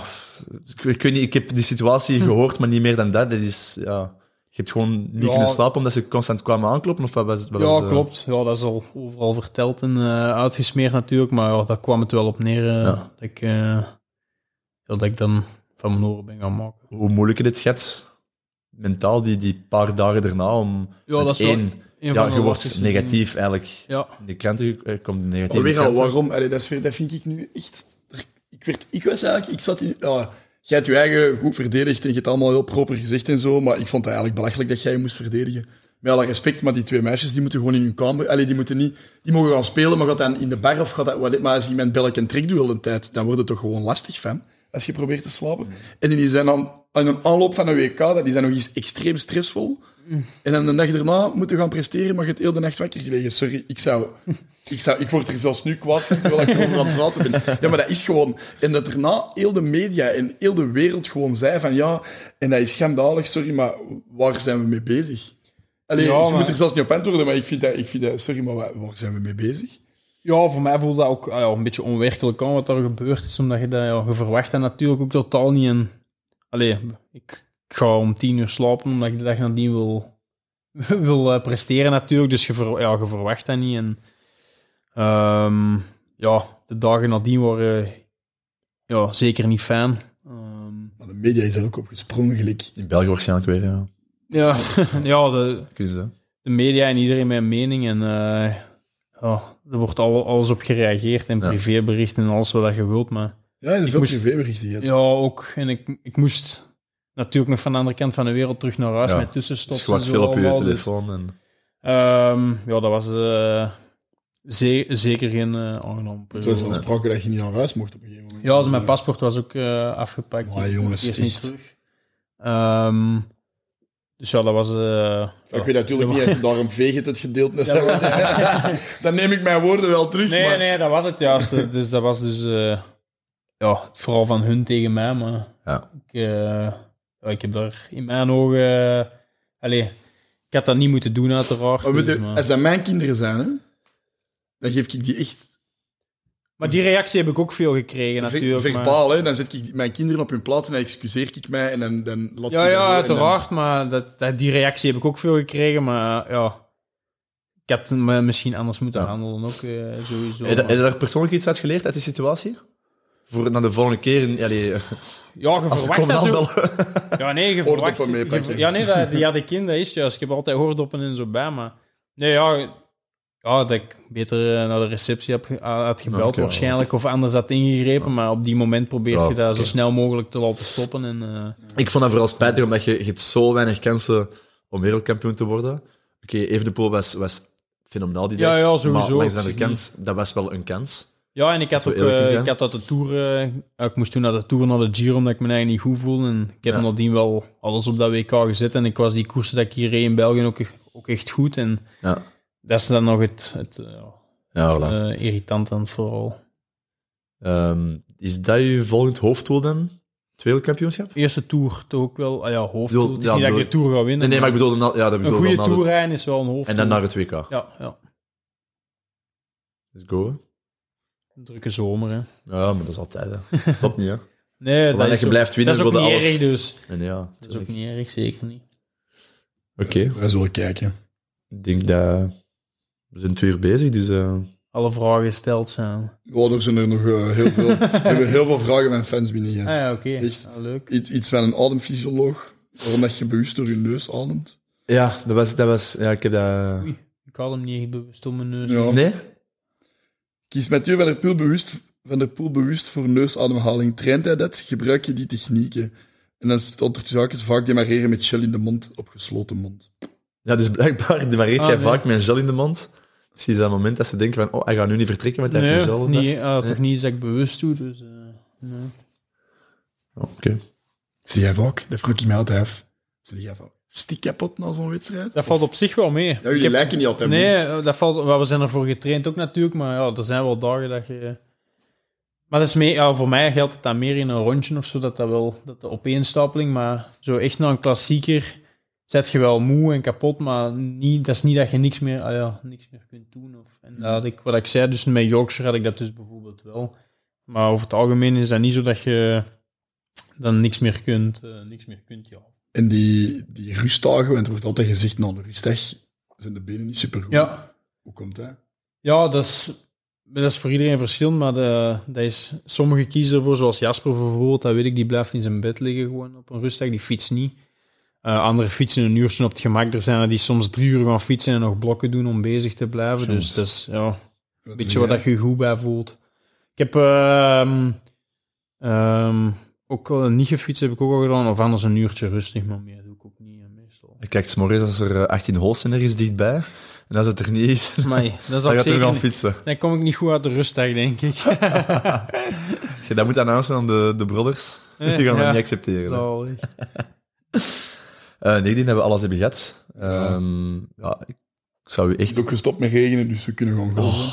Is dat echt? Ja. Oh, zalig. een beetje... Eh, ja, ik zou u toch enorm willen bedanken. Graag gedaan. Eh, want Vond ik het, eh, weet dat jij al een eh, zot, zot druk leven hebt. Om dan toch tijd te maken voor ons. Dat is, eh, Geen probleem. enorm eh, geapprecieerd. leuk. Eh, ik kijk ook even met een, een oogje naar Jean. Ja. Bedenkt om eh Mathieu te pushen. Tot bij ons.